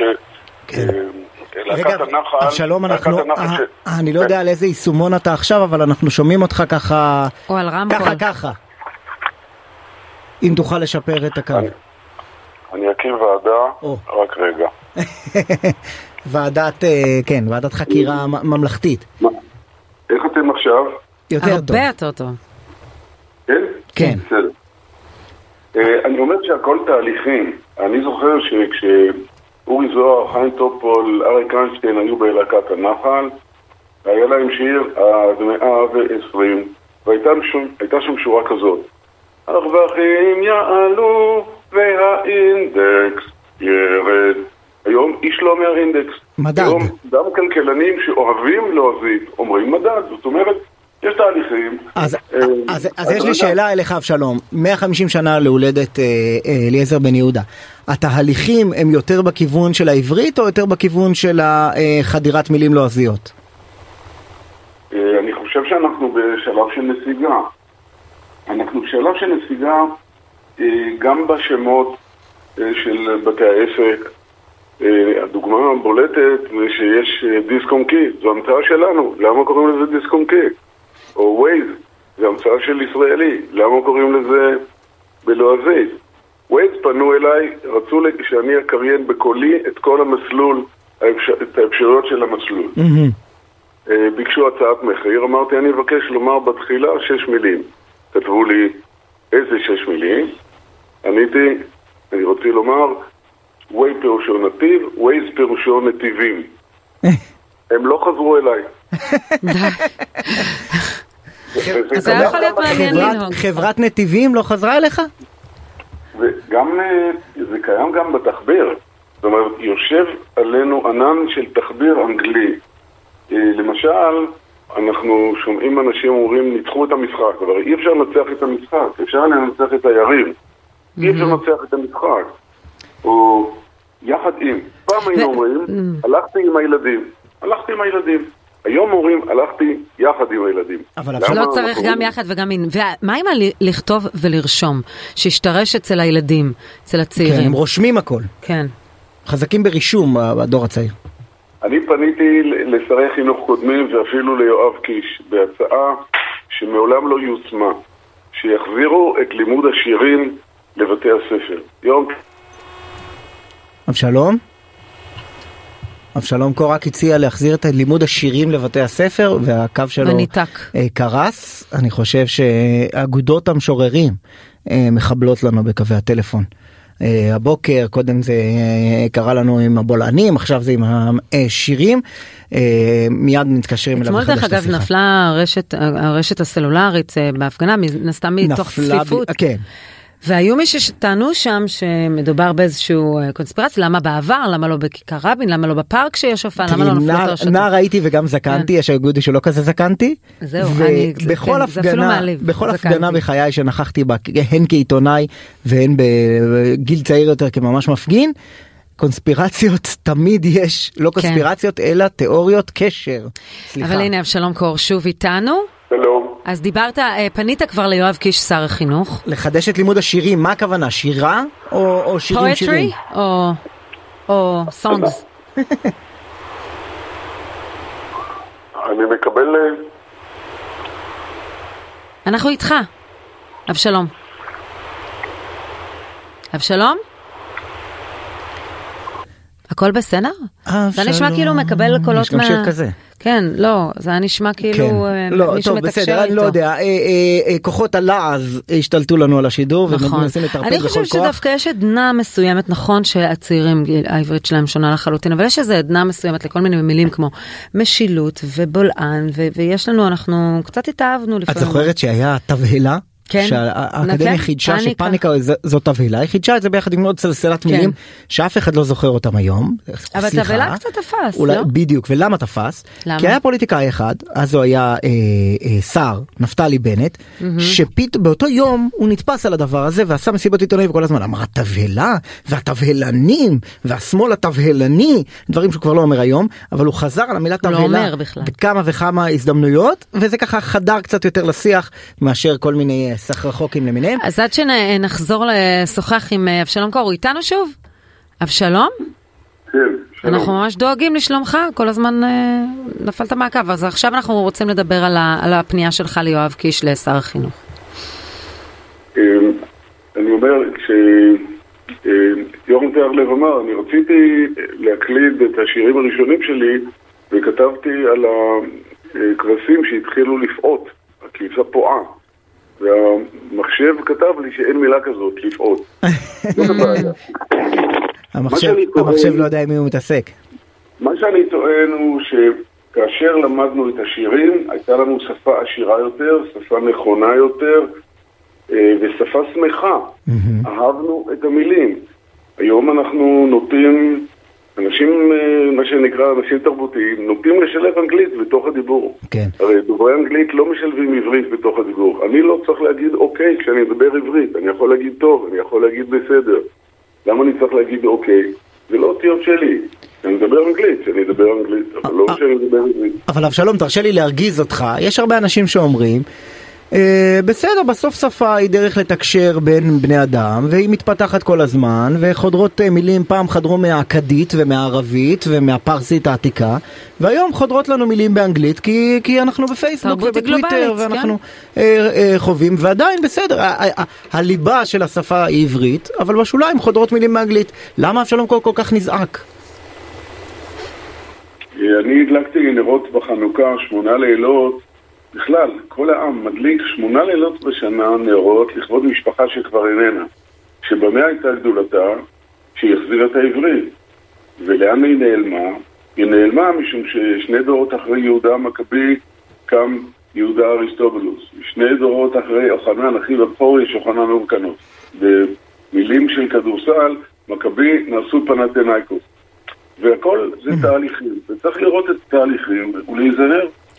כן, אנחנו רואים בהייטק שבעצם מעברתים מילים לועזיות כמו לדלבר, להכתב, כל, ה, כל המילים האלה שמנסים לתת להם אה, איזו, איזושהי אה, קוסמטיקה עברית כשהם מילים לועזיות. אתה, איך, אתה, אתה לא חי עם זה בשלום בוודאי. תראו, אה, גם לדקלם ולפרסם התחילו ככה. כלומר, אם יש שלוש אותיות שורש, או אפילו ארבע, העברית יכולה לקלוט לתוכה את השורש עם המשמעות שלו.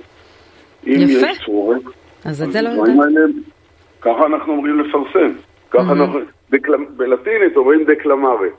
אז עשינו מזה לדקלם.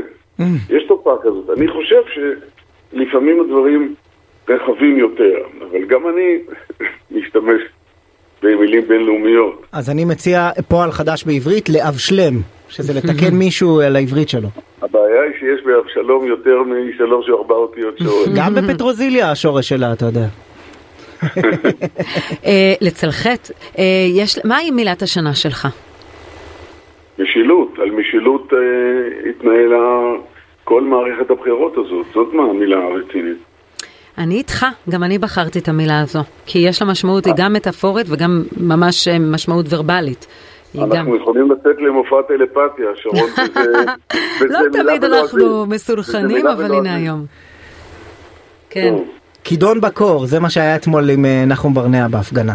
אה, אבשלום קור, תודה תודה רבה רבה לך. לך, שנמשיך לחגוג את השפה, ואתה באמת אחד האדבוקטים, לא, אני אסור לי להגיד אדבוקטים, הפרקליטים, נכון? של השפה. תודה לך. תודה רבה. תודה. אנחנו יוצאים אה, להפסקה קצרה, מיד נשוב. עכשיו בוויינט רדיו, שרון קידון וישי שנר. 841, כן, תופעה עם, ישראלית. כן, כן. מה מציק? מה מציק לך, נכון? אבל גם מציק אני לי. רציתי לזרוק הכל ולשאול למה בית- המשפט העליון חופר לנו בולענים בכבישים בעקבות השיחה עם ה- לא, לא, עם חיים בוארון. אין, זה היה על הפנתיאון, השיחה הזו. אני עכשיו חושבת על כל מילה, לפנתיאון מותר, כי זה פנתיאון. פנתיאון האלילים של אה. של היוונים, של הרומאים, כן. הפנתיאון זה הרומאים או אוי ואבוי, עכשיו עכשיו, אני כן, בבלקאוט. לא אנחנו, בבלקאוט, אה, אנחנו- כן, זהו, אנחנו לא יכולים. במסך שחור. כן, אנחנו אה, כולנו נוסעים בכבישים, ואתמול אפילו בערב, כשאני עולה מנתיבי איילון לכיוון תל אביב, אני, כל הכביש בכניסה, אה, דרך השלום, כל הכביש מגורד. הוא מגורד כנראה לקראת צלילה, אבל זה לא מצופה שיגרדו את הכביש ומיד אני יסללו אותו. לאחרונה מרגיש שיותר אה, קילומטראז' שאני נוסע הוא מחורץ. גם אני אומרת, מרגישה אני את פשוט זה. נוסע אה, אה, חלק גדול מהזמן על כביש אה, שהוא באיזשהו תהליך. עכשיו אני לא יודע בדיוק את העניין של הסלילה, של האספלט, של המכבש, של כל העסק הזה, אבל למה? למה משאירים קילומטרים שלמים של כביש אה, פשוט מגורדים ומרעישים ומפריעים? אז כל העניין של הכביש והאספלט וכל זה, כמו שאמרת, הוא תחום המומחיות של אמירם סטרולוב, שהוא מהנדס מומחה ואסטרטג תחבורה בארץ, ובמסגרת פרויקטים מטעם הבנק העולמי, אנחנו מביאים את הטופ שבטופ כאן. שלום לך, אמירם. בוקר תמיד טוב, שמחים שלום לדבר איתך. בוקר אור. אה, תסביר גמור. לנו למה אנחנו מרגישים שאנחנו נוהגים, וזה- ו- ובעיניי זה גם מזיק למכוניות ולצמיגים, מדוע אנחנו נוסעים על כבישים מגורדים. קודם כל זה מעצבן וזה מרגיז וזה נכון. אה, וכשאנחנו, אני סליחה קודם כל על זה שאני קצת צרוד הבוקר, אבל זה חלק ממזג האוויר כן. ומהתהליכים. בכל אופן, אה, אם נתחבר לבולענים. שדיברנו עליהם כבר פעם, כמו שהאיש הזה שניצל את ההזדמנות אה, לתקוף את מה שלא צריך לתקוף, אבל אה, המדינה נמצאת בשיפוצים, מי שלא שם לב. מדינת ישראל היא מדינה של כלום או בום, כשהיא משפצת, היא משפצת הכל. ואז משפצים וחופרים, ויש בולענים, ועובדים בתהליכים שהם לא בהכרח תהליכים סדורים תמיד. ו- אז, אז, אני, אז אני אשאל לגבי הכביש המחורץ, זה תוצאה של תהליך לא סדור, או זה, זה בדיוק התהליך הסדור, פשוט יש הרבה? אה, א', יש הרבה, והמדינה בשיפוצים, כמו שאמרתי, אבל זה הכל אכן שאלה של ניהול והתנהלות. איך אמרנו, אסטרטגיה? אז ניהול והתנהלות. יש לנו ארץ מדהימה, אבל uh, עושה דברים גדולים, אבל בדברים קטנים היא מתקשה הרבה מאוד פעמים. והקרצוף של הכביש, אה, מה שאמרתם, גירוד, קרצוף, אה. המילה שיותר משתמשים בה, אה, היא קרצוף הכביש, היא, אח- ואחר כך הריבוד באספלט, אה, היא בהחלט פעולה רצויה וחיונית להחזקת כבישים. כל כמה זמן צריך לעשות את זה לכביש, לקטע כביש? אה, אין לזה בדיוק אה, הגדרה של זמן, אבל בעיקרון הכביש הוא לאט לאט מתבלה. אה, עניינים של מזג אוויר, תלוי בהרבה מאוד פעילויות סביבו, אה, כמות הגשמים, מזג אוויר, אה, כמות הנסועה, אבל הוא מתבלה די מהר ואחת לכמה שנים בודדות. בהחלט צריך... אה, כי אני יודע שיש. כביש אחד בארץ, כביש 3, שהולך ממחלף לטרון לכיוון אה, אה, קריית מלאכי, שעשו שם ניסוי, סללו אותו מבטון יצוק, לא מאספלט, מתוך מחשבה שהוא לא צריך תחזוקה כל הזמן. לא, לא המשיכו את זה לשאר הארץ, אז אני מבין שהניסוי לא עלה יפה. אה, לא, זה לא שלא יפה. בטון, אה, כביש בטון הוא בהחלט אה, נושא שמתאים למדינות קצת אחרות, אה, אבל גם אצלנו זה כביש יותר שקט, ועדיין מנסים אותו בכמה מקומות, אה, אבל אה, עדיין אה, מה שמקובל ומה שיש אצלנו הרבה מאוד זה כבישי אספלט בדרך כלל, ואספלט מתבלה קצת יותר מהר, אכן. אבל גם הבטון יש לו את הצרות שלו, הוא גם מתבלה, זה לא שלא אבל אם מדינות באירופה, אתה יודע, שמתמודדות, הכבישים שם צריכים להתמודד עם כמויות של גשם ושלג, אה, אה, אני יכול להבין למה הם צריכים להחליף הרבה את הכבישים. למה אצלנו זה ככה? אנחנו אה, לא, אנחנו לא נינוחים יותר לא לכבישים רק- שלנו?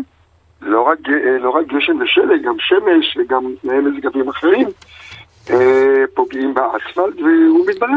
וגם אני מבינה שהטכנולוגיות של האספלט משתנות, אה, שיש אה, פחות החלקות. ודברים מהסוג הזה, אז צריך ל- נכון, יש גם. כבישים נושמים, נכון שקולטים יותר טוב את הגשמים, אה, יש הכל, אבל עדיין צריך מדי פעם לעשות את הגירוד הזה כשהכביש מתבלה, כן. ואת הקרצוף, והכי טוב באמת היה, וזה נכון, אה, שהוא- שהפעולה הרצויה היא קרצוף ומיד נכון, חיפוש. נכון. אה, אחר, זה לא היה מעצבן, ואפילו בנתיבי ישראל ובמקומות אחרים יש הנחיות שההפרש בין הקרצוף לבין הריבוד שבא אחריו לא יהיה יותר מממש שתיים, הכי הרבה שלוש, 72 שעות. ממש, זה לא ככה כרגע.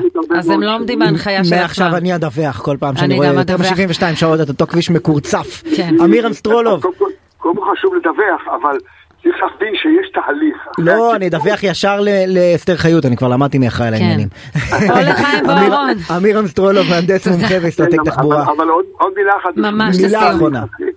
אחרי, הקרצוף יש את הריסוס שצריך לעשות, ואת הניקוי, ואת האטימת סדקים.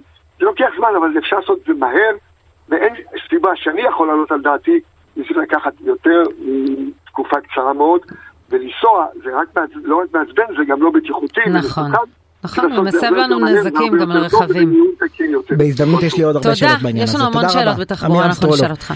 אבל אה, מאזין על הקו, אה, אה, גורם שהשפיע מאוד גם על אתמול בערב, וגם על הסוגיה הזאת של הכבישים, כפי ששמענו עכשיו. מי היה מאמין שאנחנו כמו בבריטניה, אנחנו. נעסוק במזג האוויר שמשפיע על הפוליטיקה, על. ההפגנה, על הבולען, על כל הדברים שקרו אתמול.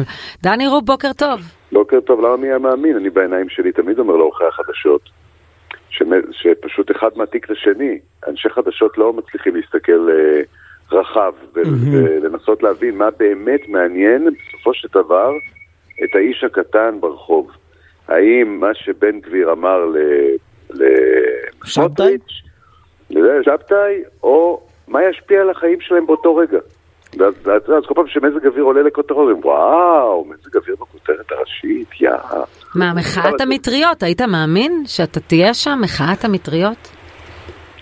כן, אבל אתה יודע, כשעושים אה, הפגנה בחורף, מה מצפים? זאת אומרת, אה, או שעושים אירוע בחוץ, אנשים מתכננים להם חתונה בדצמבר, ואז מתפלאים שירד להם גשם בחופה. זה מצחיק. זה כאילו, זה כל פעם מצחיק אותי שמע, מחדש, יש משהו? שאנשים לא יודעים, אבל מטריות, מי שגר באזורים הרריים ופתוחים, אני לא מדבר על ירושלים, אלא אזור הררי ולא מאוד מבונה, מטריה זה דבר, אין, אין, אני לא הייתה לי מטריה עד גיל אה, 20 ומשהו שגרתי ביפו. למה? לא כי, זה לא יעיל, אתה יוצא עם המטריה בחוץ, המטריה מתקפלת תוך שתי דקות, כן, ועפה זה לך נכון, ברוח, אין טעם. זה ככה, זה נכון. אבל אתה יודע, זה אחד הדברים שלא התקדמו מאז המאה הקודמת, כי לא המציאו איזה משהו יותר יציב. לא, אתה יודע, זה. מישהו ראה אותי הולך בגשם ואמר לי, למה אתה לא עם מטריה? אמרתי לו, מטריה? אה, זה שטויות, זה לא באמת עובד. הוא אמר לי, "אתה- פשוט לא. חי איתנו באותו עולם. והנה אתמול ראיתי אין רוח. 80 אלף מטריות, אה, הבנתי.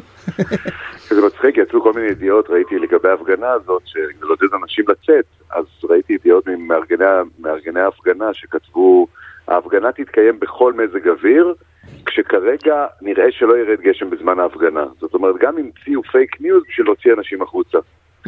אתה. ידעת מראש שבזמן ההפגנה יהיה גשם כבד. לא, לא ידעתי שיהיה גשם, ידעתי שיש סיכוי גבוה לגשם. כן. זאת אומרת, אם יש uh, זמן מסוים שבו יש סיכוי גדול בתל אביב, ראיתם שרוב היום אתמול, רוב היום, לא ירד גשם באזור המרכז, ירד גשם נכון. נכון. מנתניה צפונה. נו, אבל באמת אני. בכל- בכל השבת, שאני מודה שהייתי מנותק מהמדיה, אמרתי, איפה הגשם הזה שהבטיחו לנו? שאתה גר איפה? כרגע בתל אביב. זה בדיוק העניין. הגשם ירד מנתניה צפונה. עכשיו תחשבו במרחק האווירי אה, בין נתניה לתל אביב, ועדיין, וזה גם, דרך אגב, זה גם מה שקורה היום. מה שקורה ממש בשעה הזאת. לי יש מרפסת שאני רואה בערך מ... אני יודע, מרמת גן ועד, ועד חיפה, עד חדרה. וואו. ואם אני מסתכל לכיוון תל אביב, אז במונן חלקית, אם אני מסתכל מהרצליה, זאת אומרת, מה- מאיפה שאני מולי יש ענן ענק בים, אני מסתכל צפונה שחור. כאילו שתי מדינות, ממש, זה מה שהיה כל היום אתמול. היה בבני דרור, במושב בני דרור, באזור השרון, ירדו 60-70 מילימטר, בזמן שבהרצליה ירדו טיפות. כאילו זה מטורף, ה- המרחקים וה... אז השמיים באמת בחרו על הדמוקרטיה אתמול. יכול להיות. זה היה ממש מתוחם לאותו- לאותו רגע של ההפגנה. רגע, אם ההפגנה הייתה מתרחשת נגיד בצהריים, לא היה גשם. כן. טוב, דני דני. השריקות מאחור זה- התוכי, כן? רציתי להגיד לא, הציפור. איכשהו- אה. איכשהו שומע אתכם, זה ציפור באמת. אה, כן. לא, יש כאלה שנעלבים, אתה יודע. טוב? אה, יש תוכים שנעלבים שקוראים להם ציפור. תודה, לא. דני, כיף שאתה איתנו. בבוקר. בשמחה רבה תמיד.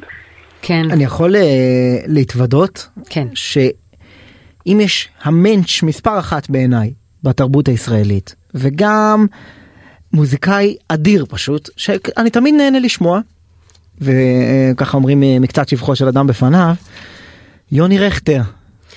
אני שותפה לגמרי לתיאור הזה ולכותרת הזו, הוא באמת, אה, הוא ארץ ישראל היפה מבחינתנו.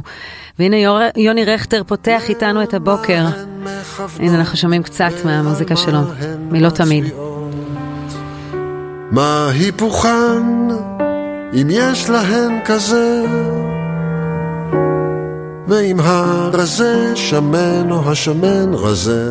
ואנחנו מדברים לקראת סדרת אה, מפגשים של יוני רכטר בהיכל התרבות שהוא מארח אה, אה, סדרת מפגשים עם מנחה אורח קובי מידן, אסף ענברי, רוני קובן, יוני רכטר בוקר טוב.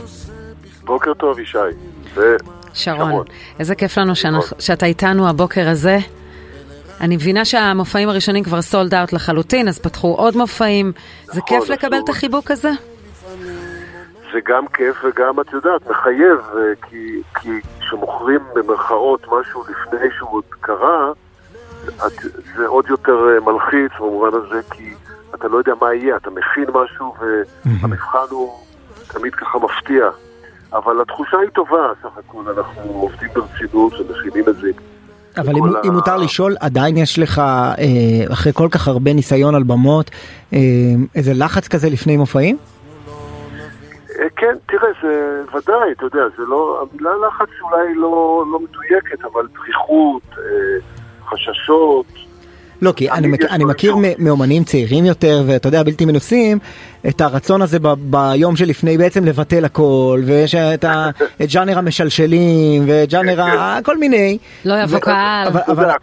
אני רואה אותך על במות, אתה יודע, נינוח בסך הכל עם הפסנתר. כשאתה יושב עם הידיים על הקלידים, זה נראה שאתה אתה בקומפורט זון שלך. אבל אתה יודע, זה, זה, זה לא ככה, כי כל, כל, כל הופעה, אגב, גם הופעות שאני עושה הרבה שנים עם ההרכב שלי, שסך הכל זה בדרך כלל השירים המוכרים, כי פה אגב במופעים האלה זה דברים לגמרי אחרים, זה מפגשים עם, תכף אני אספר. תראה, בדיוק, אבל תכף תספר לנו מה קורה שם. אבל גם בהופעות האלה, אתה כל ערב, כל ערב זה משהו אחר, ויש הפתעות לטוב והפתעות לרע, ויש פתאום ערבים שזה לא ממריא, זה לא קורה. יש ערבים שפתאום אתה עף. ואי אפשר, אפשר לדעת, זה כמו, אתה יודע, כמו באהבה, לפעמים יש חיבור, לפעמים אין חיבור. אז זה הרבה פעמים מין כימיה כזאת אה, משונה, ו, ובכל גיל ובכל מצב. אז מה יקרה עם קובי מידן, אסף ענברי ו- ורוני קובן? אז בעצם אה, הייתה פנייה של אה, אולם צוקר בהיכל התרבות, זה אולם מאוד יפה, חדש יחסית, לעשות איזה סדרה, הם שאלו אותי, מעניין אותי, ואני מיד לקחתי את הרעיון הזה, ולקחתי שלושה נושאים, נושא אחד זה שירי משוררים, שיש לי המון שירים גם שלא יצאו, וזה הצעתי לקובי מידן ולשמחתי הוא נענה. זה ערב אחד כבר היה, לפני כשלושה שבועות, והערב השני יהיה בשני לפברואר. אני פעם שמעתי השני- את הת- התיאור שלך, איך הלחנת את יצירת המופת, עטור מצחך, אגב שירי משוררים, והיה לך משהו שהוא, אה, אני לא זוכר בדיוק איך תיארת את זה, אולי תחזור עכשיו, אבל היה שם איזה מין אמונה בכוחה של האינטואיציה, של המנגינה, כמעט רוחנית. כן, תראה, זה... כאילו זה לא, לא ממש קראת את השיר עד הסוף ו- ו- וניתחת אותו והבנת לפני שהלחנת, אלא להפך. לא, אני אומר את זה הרבה פעמים שכשאני מלחין אני מנסה לא להבין את השיר. כי אני מאמין במין אה, חיבור סמוי או לא מודע ש- שהוא הרבה יותר אותנטי.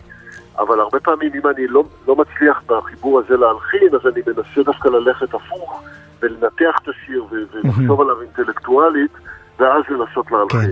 אתה אז כמו, גדול תורה, אתה כמו גדול תורה חרדי, יש לך, כמו שיש להם דעת תורה הם אומרים, אז לך יש דעת מוזיקה, אתה, אתה כל כך מחובר למוזיקה שאתה, כן. אתה, הלחן נשלף ממך אפילו בלי ל, ל, לעשות נכון, הרבה אינטלקטואליזציה. כי המוזיקה היא, אתה יודע, המוזיקה היא חיה בתוכנו, אצלנו המוזיקאים, גם הקהל אגב, כולנו אוהבים מוזיקה, ו- והיא פשוט, אה, צריך לתת לה לצאת.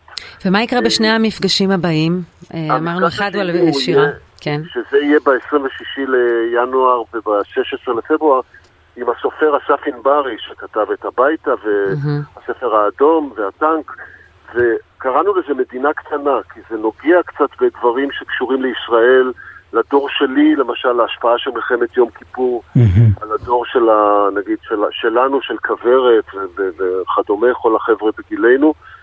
והערב השלישי מתעסק בנושא של אלי מוהר, כל היצירה שלי עם אלי מוהר, שהיא מאוד מגוונת והרבה יותר רחבה ממה שאנשים מכירים, ואותה ינחה יחד איתי אה, רוני קובן.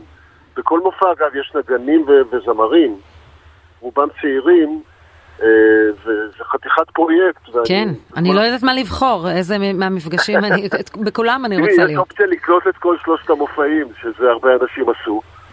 אה, ויש אופציה לבחור מופע בודד. אה.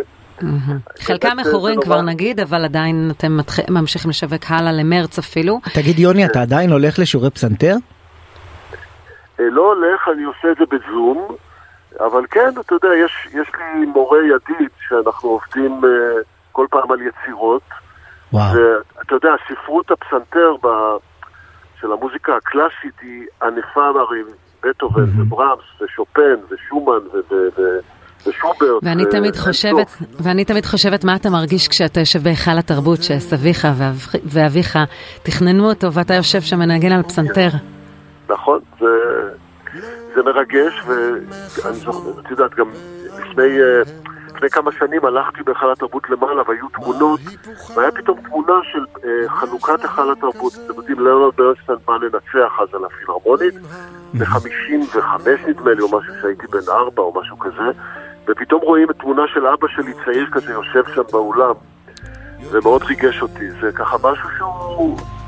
מין שושלת כזאת ש... מדהימה שהורשתם לנו- הורשתם לנו לתרבות הישראלית ואתה חוגג את זה בשלושה מופעים מדהימים בהיכל התרבות. תודה רבה שהיית איתנו הבוקר לכם, הזה. יום טוב. ואנחנו ביי ביי. מסיימים עם לא תמיד ברקע של יוני רכטר. נודה לעורכת שלנו ריקי כרמי, למפיקות אה, מאיה פרדו ויובל כהן, לטכנאי השידור שלנו עמרי זינגר ותום חלד. תודה רבה. תודה רבה שרון קידון, איזה כיף לסיים ככה. כן, אחרינו אודי ודוריה. מאין זה הגיע? ולאן הכל הולך, ואיך פה בלי משים השיר מתחיל להיכתב. אבל על מה הוא מדבר, ואם איתם האם ישוב? לא, אנחנו לא נבין זאת.